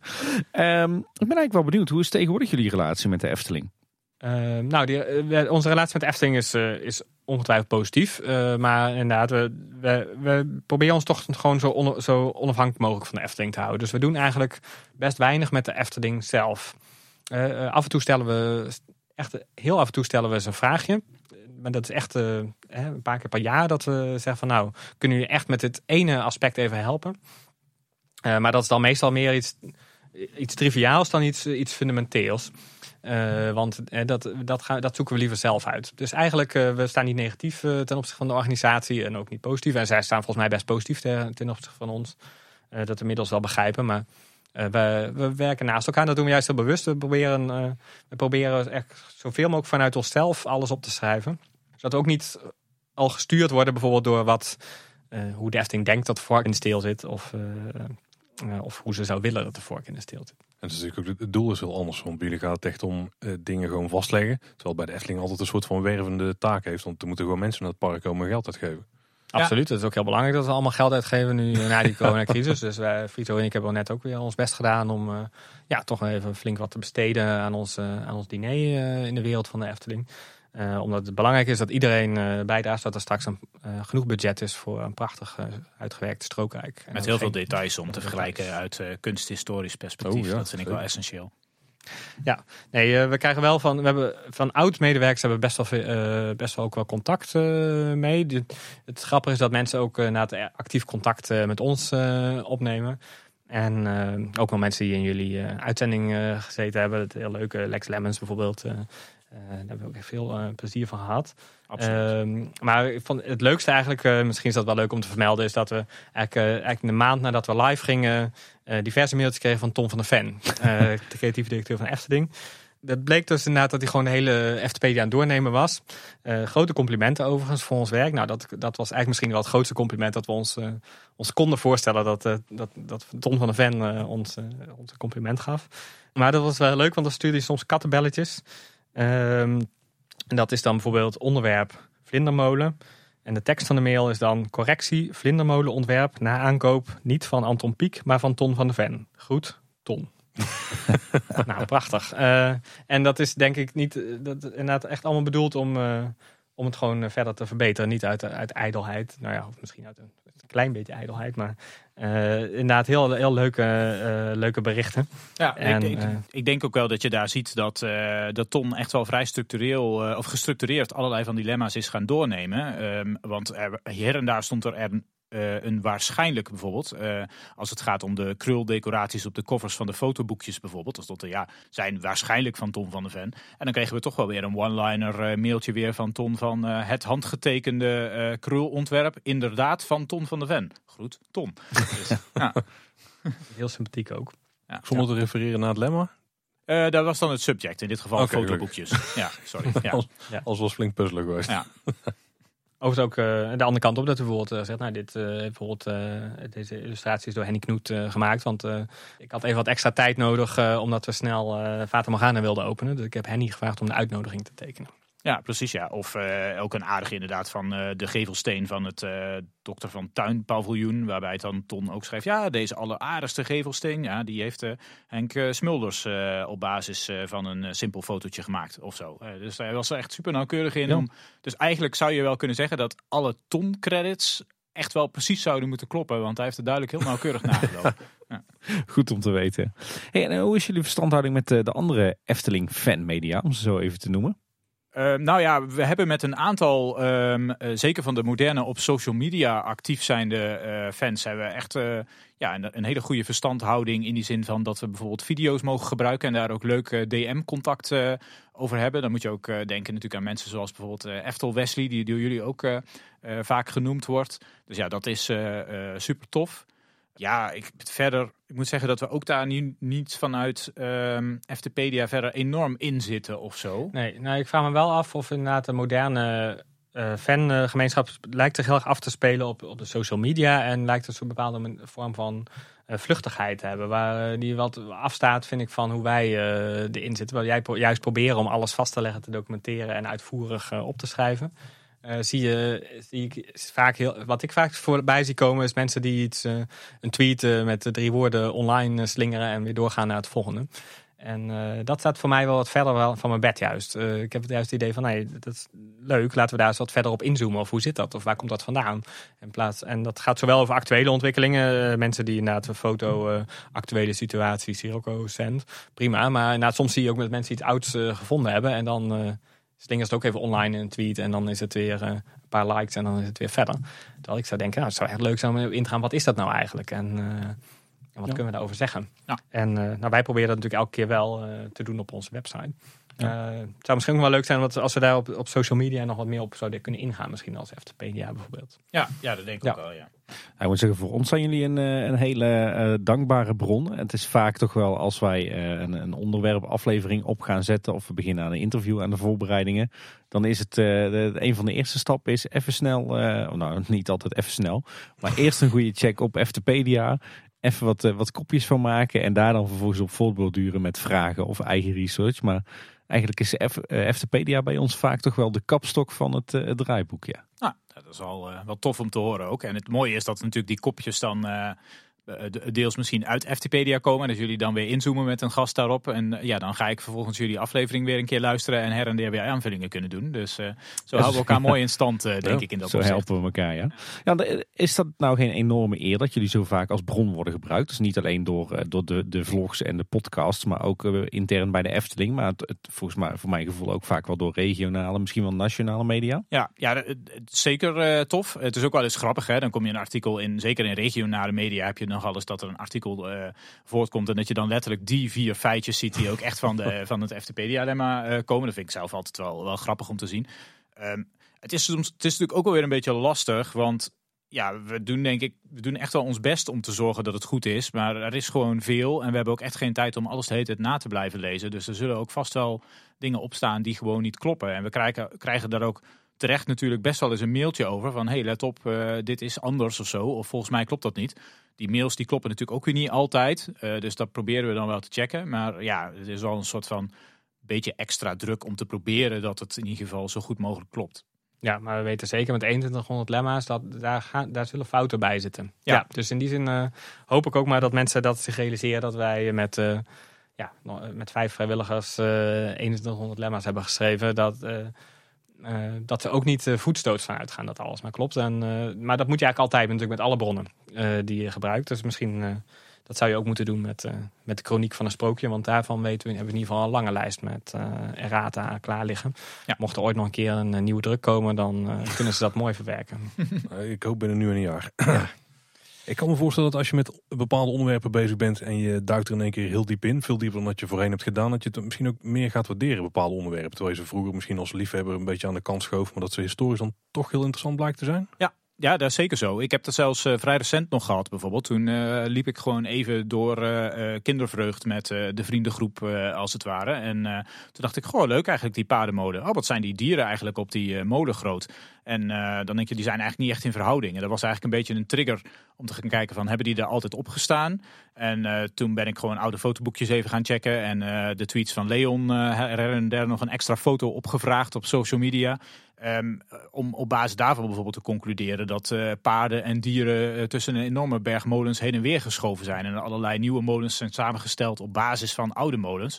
En dat is dan heel leuk om dan bijvoorbeeld het lemma paardenmolen en dierenmolen uh, op orde te maken. Tenminste, waarbij we denken dat we op dit moment veel meer correcte informatie hebben dan we destijds op FTPD hadden staan. Ik zou zeker niet zeggen dat die nu compleet is, want er zwerven nog steeds eindeloos veel carouselpaarden overal in de Efteling rond, waarvan je zou kunnen afvragen waar die allemaal vandaan komen. Misschien nog wel een uh, gedemonteerde molen. Maar dat is dan wel echt zo'n onderwerp. Ja, ik heb daar wel echt enorm veel lol in. Uh, om dat, uh, om dat dan uit te zoeken. Ja, erg leuk is inderdaad om dan die foto's in te zoomen op zo'n oude foto en dan te kijken, oh, dat is die decoratie, dus dat moet het paard van die molen zijn. En die oude foto's zijn natuurlijk meestal niet met uh, enorm hoge resolutie, dus uh, dat is, dat is schitterend. Werk, ja. ja. ja. Dus, dus, het editen van FTP die heeft ook wel overeenkomst met het spelen van Escape Room hoor ik wel. Het zou zo'n puzzel kunnen zijn, Tim, zet de paard op de juiste carousel.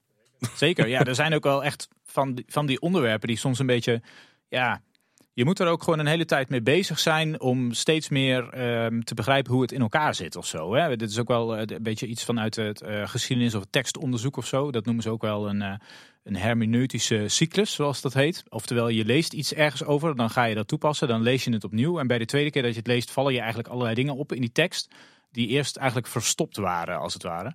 En dat is ook wel een beetje zo met bijvoorbeeld een onderwerp als het Sprookjesbos of zo. Als je met naar de geschiedenis van het Sprookjesbos kijkt. Ja, in principe denk je gewoon, oh leuk, tijdlijn, sprookjes erop geplot, klaar. Maar als je er gewoon een beetje op inzoomt, dan kun je daar ook weer allerlei fases in ontdekken. Zoals bijvoorbeeld de eerste tien uh, leuke Reinders-ideetjes waar Anton Pieck uh, vormgeving bij bedacht heeft. Dan opeens het enorme succes van het Sprookjesbos. Dus Piek kon grotere sprookjes ontwerpen, à la Roodkapje en uh, bijvoorbeeld de Zeven Geitjes.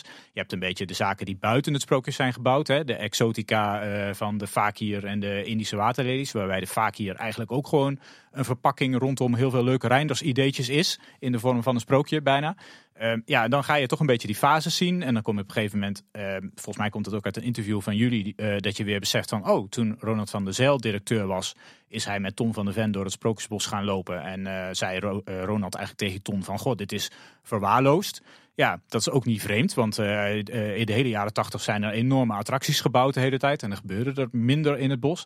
En toen ineens zijn al die sprookjes weer toegevoegd. Dan heb je ook weer zo'n hele bult aan sprookjes. Met daarna een soort van fase waar elke ontwerper een keer een sprookje in het sprookjesbos mocht plaatsen. En dat dat zo om de twee, drie jaar gebeurt. En ja, dat vond ik ook wel een stukje van werken aan FTpedia en al die sprookjeslemma's doornemen en zo. Dat je opeens gewoon iets wat een soort tijdlijn met een stukje chronologie lijkt. Daar zie je dan vier, vijf golven in. Ja, dat is gewoon heel erg leuk om mee bezig te zijn, vind ik. Dan gaat de wereld voor me open ineens, ja. Je hebt hier wat goede punten te pakken, Friso. Ik moet ook zeggen dat bij FTPedia zelf ook wel eens gebeurt. Dan lees ik iets en dan, uh, dan na een interview met iemand of zo, dan lees ik het nog een keer en dan vallen me in één keer allemaal nieuwe dingen op. Maar ja, in dat geval kan het ook zijn dat ik een update hebben gedaan natuurlijk. Hm. Ja, dat uh, is zeker zo. Ja, want uh, ja, het, vaak een paar weken na iets uh, proberen we toch wel verwerkt te hebben natuurlijk. Ja. We hoorden net al dat mensen vaak vragen van wanneer komt dit, wanneer komt dat. Nou, volgens mij zijn jullie met alle redelijk voor de hand liggende vragen zijn er gewoon bezig. Maar als we dan toch gaan kijken naar de toekomst. Ja, jullie zitten nou aan tafel, dus we moeten het gewoon vragen. Wat voor dingen zitten er in de pipeline en kunnen er al wat, uh, tipjes van de sluier worden opgelicht? Ja, ja, iets waar we al best wel lang mee bezig zijn. Dat hebben we misschien kunnen zien in de lemma's. Zijn de zeg maar, jaartal als lemma. Uh, en dat, dat is eigenlijk wel, wel, daar zijn we eigenlijk heel lang al mee bezig. Om dat steeds verder samen te stellen. En we hopen dat we dat een keer gaan afronden. En dat we in één keer al die jaartallen ook links worden. Want dat geeft eigenlijk een hele nieuwe dimensie. Het sluit aan, de aan heel veel informatie die we al hadden. Ook in de jaartallen, maar staat trouwens ook al heel veel informatie die nog niet op FTPedia is gelezen. Omdat we eigenlijk alleen bij een jaar kwijt konden. Maar ook zie je dan opeens allemaal dingen naast elkaar staan. Waarvan, en dan begin je verbanden te zien. Dus dat sluit denk ik heel goed aan bij uh, bijvoorbeeld de geschiedenis van het Sprookjesbos die Frito vertelde. Dat als je ziet dat bijvoorbeeld een bepaald dat 1987 het bloemenjaar was, daar kwam je daar kwamen we achter. En dan vallen net allemaal dingen op hun plek. En dan al die foto's die je dan ziet van het jaar naast elkaar, zie je dat zie je enorme hoeveelheden bloemen opstaan opeens. En je gaat dan allemaal dingen herkennen.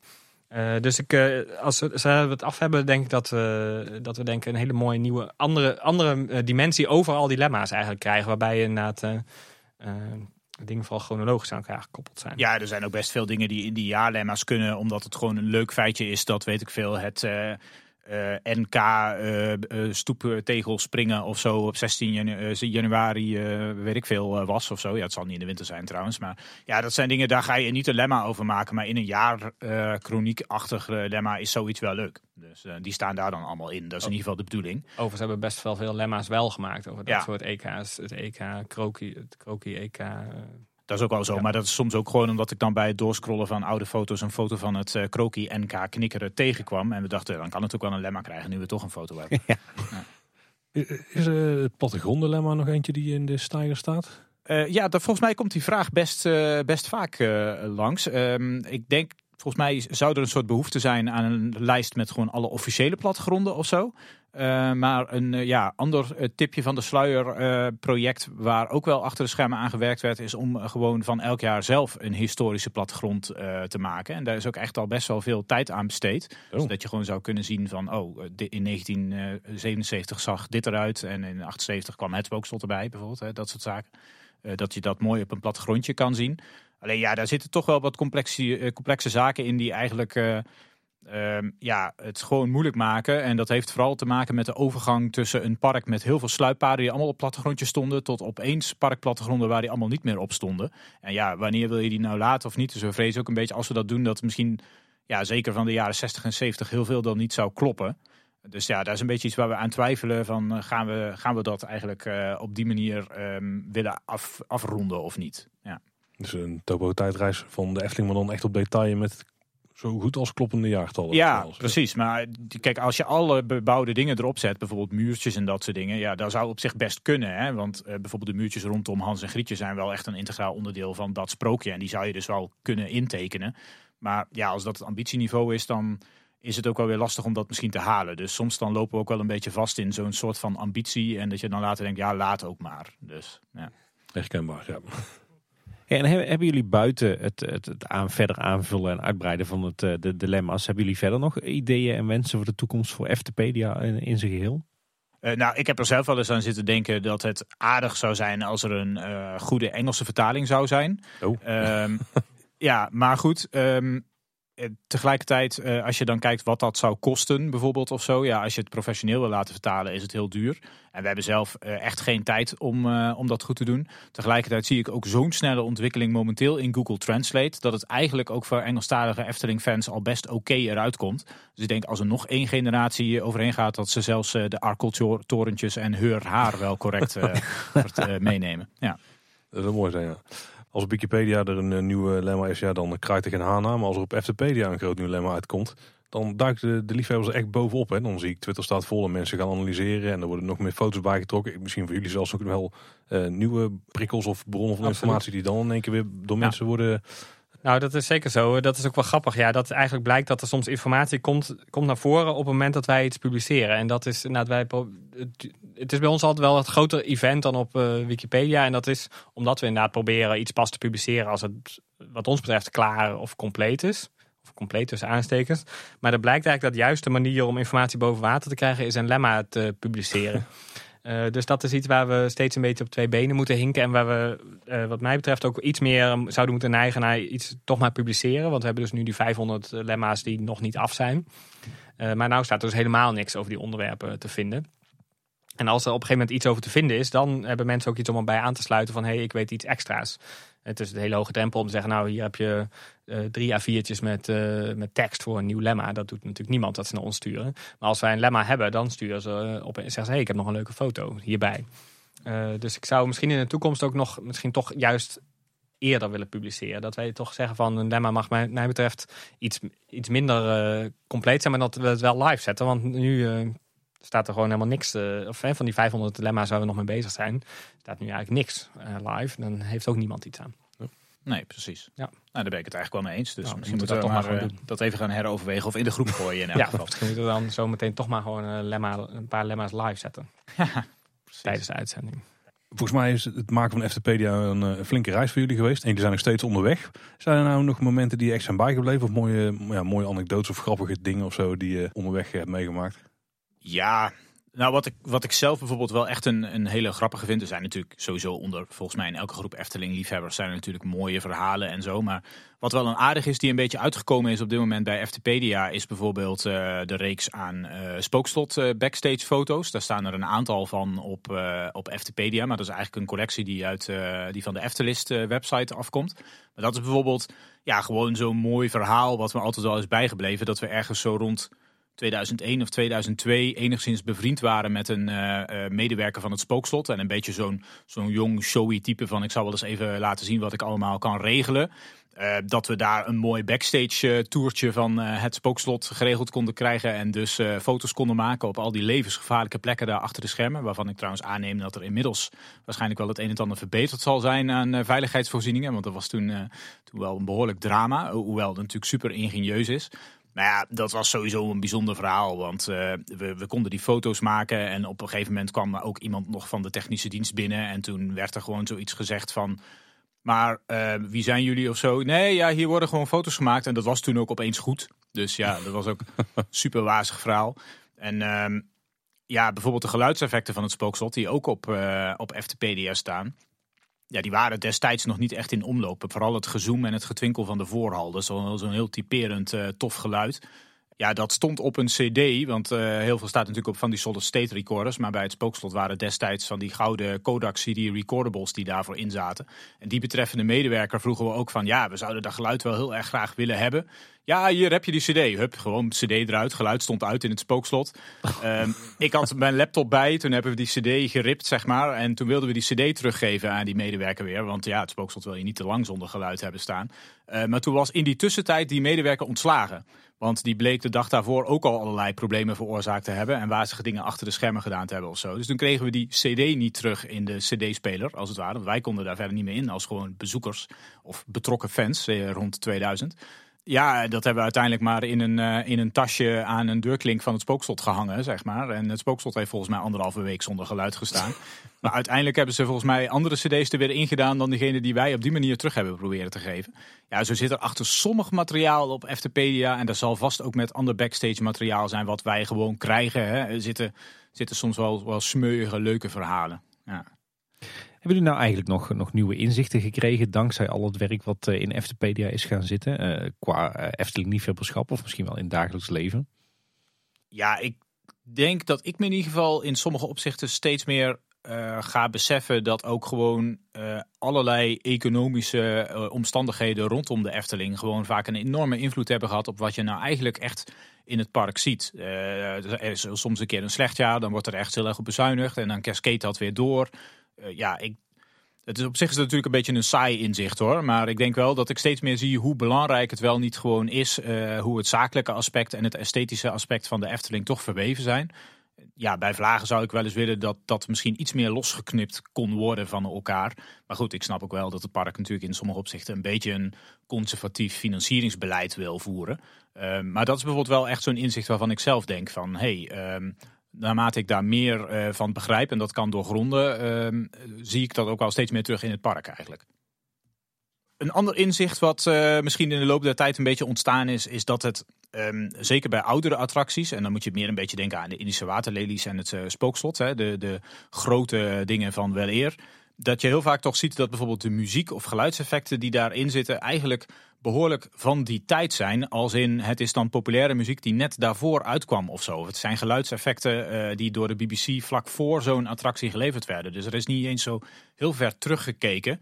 Als je bijvoorbeeld kijkt naar het spookslot hè, en de, de huidige track die erin zit, dan is dat iets uit 1972, maar ook iets uit 1981. Dus de update uh, van het spookslot, uh, die, die Claus muziek van Mark Rozen, ja, dat is van vlak voor die update van die show. Dat vind ik ook wel leuke inzichten. Ja, nu wordt alles natuurlijk specifiek gecomposeerd uh, door René. maar ja, toen uh, is er uh, eigenlijk helemaal niet zo heel ver gezocht naar muziek, lijkt het soms. En er werd gewoon echt uh, muziek van de plank getrokken eigenlijk. Ja, en dan bij wijze van spreken van cd's die de twee jaar daarvoor of zo uitgekomen waren. Of LP's, sorry. En heb je nou nog persoonlijke favoriete lemma's? Ja, mijn favoriete lemma is uh, toch echt wel het Cosmos Science Center. Ja, ook natuurlijk omdat ik zelf heel veel werk in heb gestoken, maar ook inderdaad juist omdat het zo'n uh, zo ongelooflijk uitgebreid uh, onderwerp is, wat aan, aan tegelijkertijd eigenlijk nergens anders iets over terug te lezen is. Hè, waar wij ook echt, zeg maar, FTP eigenlijk de enige plek is waar je online nog daar eens iets over kan terugvinden. dus dan is dat toch echt mijn, mijn favoriete lemma. Ja, voor mij is het denk ik een beetje de reeks van de verschillende laafhuisjes uh, lemma's. Omdat het zo leuk is om gewoon per huisje steeds iets te kunnen toevoegen als je daar iets van weet. Uh, dus dat is meer dat cluster van die, uh, van die lemma's waar ik gewoon heel veel lol aan beleef om daar steeds kleine dingetjes bij te zetten. Lol aan beleefd, hij zegt het gewoon. Ja. Ook daar hebben wij heel veel inspiratie tussen uit kunnen halen. Tim. En dan gaan we eigenlijk naar onze standaard rijtje uitsmijters. Dat is een vraag die, die ik eigenlijk heel graag aan jullie wil stellen. Een paar kan ik misschien wel raden trouwens. Ja, die ik ben wel benieuwd hoe de Efteling-kenners erover denken. Nou precies, maar die, die, die stellen aan al onze gasten. Wat is nou uh, in jullie ogen de mooiste plek in de Efteling? Ik had wel een beetje gedacht dat je die vraag zou gaan stellen. Dus ik heb er ook wel enigszins over nagedacht. Uh, en op dit moment kom ik dan eigenlijk tot uh, het beeld van Vader Laaf in het Loof- en Eerhuis.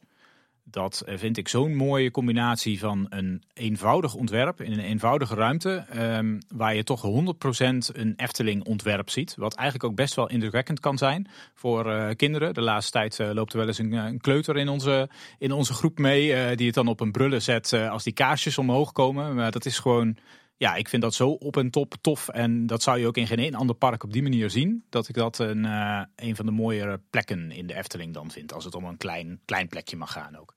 Hoe Tim, dan was jij niet helemaal... Uh... Nee, ik was daar minder positief over in onze Lavelaar aflevering. Maar goed, dat ja, uh, grappig, uh, mooi, En bij jou Thijs? Ja, voor mij is dat, uh, moet dat toch de Indische waterlelies zijn. Uh, Zo'n geslaagd uh, ontwerp, prachtig on, ontwerp. En je ziet zowel Anton Pieck als, als de heel vroege Tom van der Ven al in. Ja, ik vind dat ja, toch denk ik wel de mooiste plek van de Efteling. En hebben jullie dan ook een favoriete attractie in het park? Ik vermoed niet bij jou, Friso, dat het de Python is, maar... Nee, uh, ja, ik, ik kan toch eigenlijk niet anders dan, dan toch maar gewoon voor Fata Morgana te gaan. Ja, dus, daar ben ik uh, helemaal mee eens, Friso. Ja, dat, daar kunnen we allemaal creatieve dingen over zeggen dat het nest is of, of toch een python. maar het Fata Morgana is, is gewoon niet te verslaan. Ja. En dat, is, dat zullen heel veel fans zeggen, denk ik. En dat is natuurlijk ook terecht. Dat verdient die attractie gewoon. Ja, precies. Kijk, als het net geregend heeft en het is herfst, dan is het misschien toch wel het lavelaar ook. Maar ja, ja bij vlagen Um, ja, keer je gewoon terug uh, tot de oerbeste Efteling-attractie en uh, is dat Fata Morgana. Ja. Ja. Als jullie een grafiek zou plotten van de, de, favoriete attracties, liggen die dan ook vaak wat verder in de tijd of zijn er ook wel recente toevoegingen waar jullie heel erg over te spreken zijn? Nou, als ik zeker kijk naar recente toevoegingen in het Sprookjesbos, dan vind ik er her en der dat er best wel uh, toffe, mooie nieuwe zaken bij zitten. Bijvoorbeeld ja, de Zes Zwanen vind ik een heel erg tof en mooi ontwerp. Um, ik zal niet zeggen dat het in elk opzicht helemaal perfect is. Eh, maar zeker binnen vind ik het toch wel naderen aan perfectie. Omdat het misschien ook een beetje dat hele rustige en ook wel wat ruimte heeft. Hè. Het wil niet overal per se details over je uitstorten, maar geeft juist wat lucht. dat ja, vind, ik, vind ik heel geslaagd. En dat vind ik ook wel een beetje met bijvoorbeeld Baron 1898. Die een heel ander soort stijl eigenlijk introduceert. Maar het wel weer in het hele Efteling palet weten verweven als het ware. Ja, daar heb ik niks op aan te vullen. Ja, dat vind ik, ben ik het helemaal mee. Komen jullie momenteel eigenlijk nog veel in Efteling? Ja, ik, uh, we komen regelmatig in Efteling. Ja, we komen niet, ik kom niet elke week. Uh, de, ik woon ook in Utrecht, dus het is voor mij ook iets minder makkelijk om uh, daarheen te gaan. Maar ja, ik heb, ik heb ook twee kleine dochters, dus daar kom ik ook graag mee langs. Maar soms kom ik ook juist om alleen met de Eftepedia-collega's rond te lopen. Omdat je dan lekker rustig alles kan observeren zonder dat ze aan je arm staan te trekken. En dat ze toch weer naar de Carnaval Festival willen. Met klapblokje dan? Natuurlijk, met klapblokje. Tegenwoordig allemaal digitaal natuurlijk. Ja, met, met iPhone. nee, ja, één keer per maand denk ik ongeveer dat ik naar de Efteling ga. Dus ik haal niet echt jullie frequentie. Maar uh, ja, ik vind het, dus, denk dat het nog steeds best wel redelijk... Uh, het is in ieder geval genoeg uh, op dit moment. Ja. Is, is de Efteling eigenlijk jullie favoriete pret- en themapark? Uh, ja, zeker. Ja. ik, ik, zou willen, ik, ik zou mezelf omschrijven als een Efteling-liefhebber, niet per se als een pretparken-liefhebber. Ik bedoel, het is hartstikke leuk om eens een keer naar een ander pretpark te gaan, maar Disneyland, uh, hartstikke, hartstikke leuk, mooi gemaakt, maar ik ben daar geen fan van. Ik bedoel, voor mij is de Efteling is het mijn park. Absoluut. Ja, ik ben het daar eigenlijk wel mee eens. Ik denk ook dat voor mij wel de Efteling toch wel het park is waar ik ja, het meest, als je zegt wat, wat zit er aan liefhebberschap omheen, dan is dat absoluut de Efteling. Um, het is wel zo dat er ook wel een aantal Disneyparken zijn die ik enorm hoog heb staan. En gelukkig um, ook wel ja, regelmatig heb kunnen bezoeken. Zeker de Japanse parken als je naar Tokyo Disney Sea kijkt.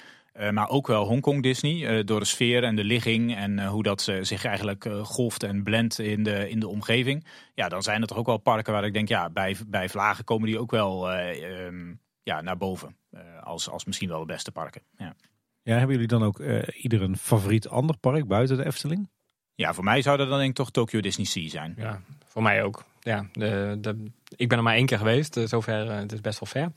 Uh, maar dat is echt een prachtig park. En ik denk dat het ook ja, gethematiseerde omgeving het, het, hoogste is wat je, wat je kan bereiken. Ja, en als je gewoon zeg maar, uh, naar de fiscale herbouwwaarde van de Efteling kijkt. Hè, zoals jullie ook uh, volgens mij in een recente attractie gedaan hebben. En je weet dat sommige parkdeeluitbreidingen daarvan ongeveer twee keer zoveel geld kosten bij Tokyo Disney Sea als wat daar aan, uh, aan budget in totaal in Kaatsheuvel staat. Ja, dan is het ook niet vreemd dat je dat tot in de perfectie kan doen natuurlijk. Tegelijk is het wel zo dat je dan alsnog natuurlijk ook wel hele goede ontwerpers nodig hebt. En ja, die hebben ze duidelijk ook. Dus dat helpt wel. En hebben jullie dan ook nog een favoriete attractie buiten de Efteling? Ja, ik denk dat ik dan toch ga uh, voor um, een, ja, een soort geüpdate classic, namelijk uh, Pirates of the Caribbean in Disneyland Parijs. Dat vind ik ook wel een behoorlijk perfecte attractie. Mystic Manor in Hongkong Disney. En ik denk ook wel um, de 20.000 mijl onderzee Tokyo Disney attractie. Ik ben even vergeten wat nou ook weer de precieze naam is. Ondanks dat ik hem toch al een aantal, uh, behoorlijk aantal keer heb kunnen doen. Maar Disney is hier vaak extra lang hè? Ja, precies ja. Um, maar, dat zijn wel echt uh, topattracties. Ja.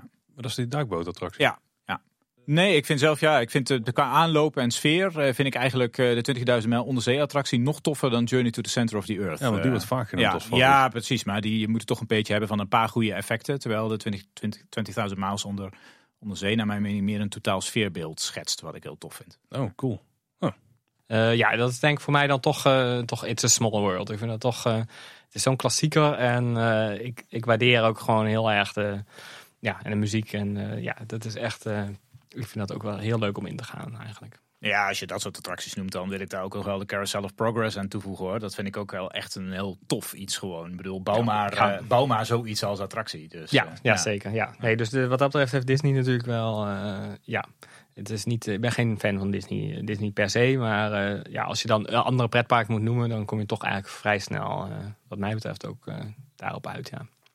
Ja, heren, dan rest ons eh, niet veel meer dan jullie eh, van harte te bedanken voor jullie aanwezigheid hier en een inkijkje te geven in hoe FTpedia nou precies draait. Iedereen die weet natuurlijk FTpedia te vinden, maar zijn er ook nog plekken waar mensen jullie online kunnen volgen?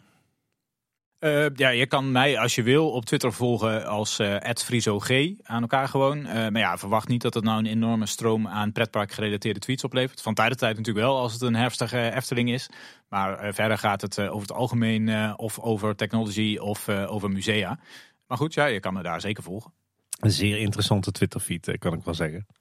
Ik kan niemand uh, aanraden om mij persoonlijk uh, te volgen, maar @ftpedia is natuurlijk wel waar je moet zijn. En we hopen daar nog wat actiever met, ook met, met het Twitter-account om te gaan, zodat we daar ook mensen wat actiever kunnen informeren over wat wij eigenlijk voor leuks toevoegen of als er nog eens leuke feitjes tegenkomen. En FTpedia zelf kun je natuurlijk bezoeken op ftpedia.nl of je gaat gewoon naar onze website, klikt een random aflevering aan. Dan staat er vrij gegarandeerd wel een linkje van Ftpedia tussen, denk ik. Ik denk dat er weinig afleveringen zijn van Kleine Boodschap waar geen Ftpedia in de show notes staan. Dat denk ik ook niet, nee. Sterker nog, er zijn afleveringen waar het de enige link in de show notes is, denk ik. Ja. En mocht je nou ons willen volgen online, dat kan op heel veel plekken. En de makkelijkste manier om dat te doen is naar kleineboodschap.com slash volgen gaan. Ja, daar vind je uh, al onze socials eigenlijk, hè, zoals het dan uh, heel modern heet. Super fancy. Kleineboodschap.com is dus de website met een contactformuliertje. En uh, mailen kan ook naar info.kleineboodschap.com. Ja, en op kleineboodschap.com vind je ook al onze afleveringen terug. Inclusief de show notes, we hebben het er al een paar keer over gehad. En verder luister je ons natuurlijk in alle mogelijke podcast apps via Spotify of op de website. En kun je nou ergens een rating achterlaten, kunnen we altijd zeer waarderen. Want blijkbaar kunnen andere mensen ons dan makkelijker vinden. Nou, heren van Eftepedia en trouwens het hele Eftepedia-team, want niet iedereen heeft hier natuurlijk uh, aan tafel kunnen zitten. Hartstikke bedankt voor uh, jullie deelname. Ja, graag gedaan. Graag gedaan. En voor al het goeds wat jullie de Efteling community hebben gebracht Zo, de afgelopen jaren. Ja, we gaan zo weer verder schrijven, dus uh, ja, komt nog meer aan. Sorry dat jullie van het werk af hebben gehouden voor een avondje. precies. hey, nogmaals hartstikke bedankt. Uh, luisteraars ook bedankt voor het luisteren. Dat was weer voor deze keer. Tot de volgende keer en houdoe.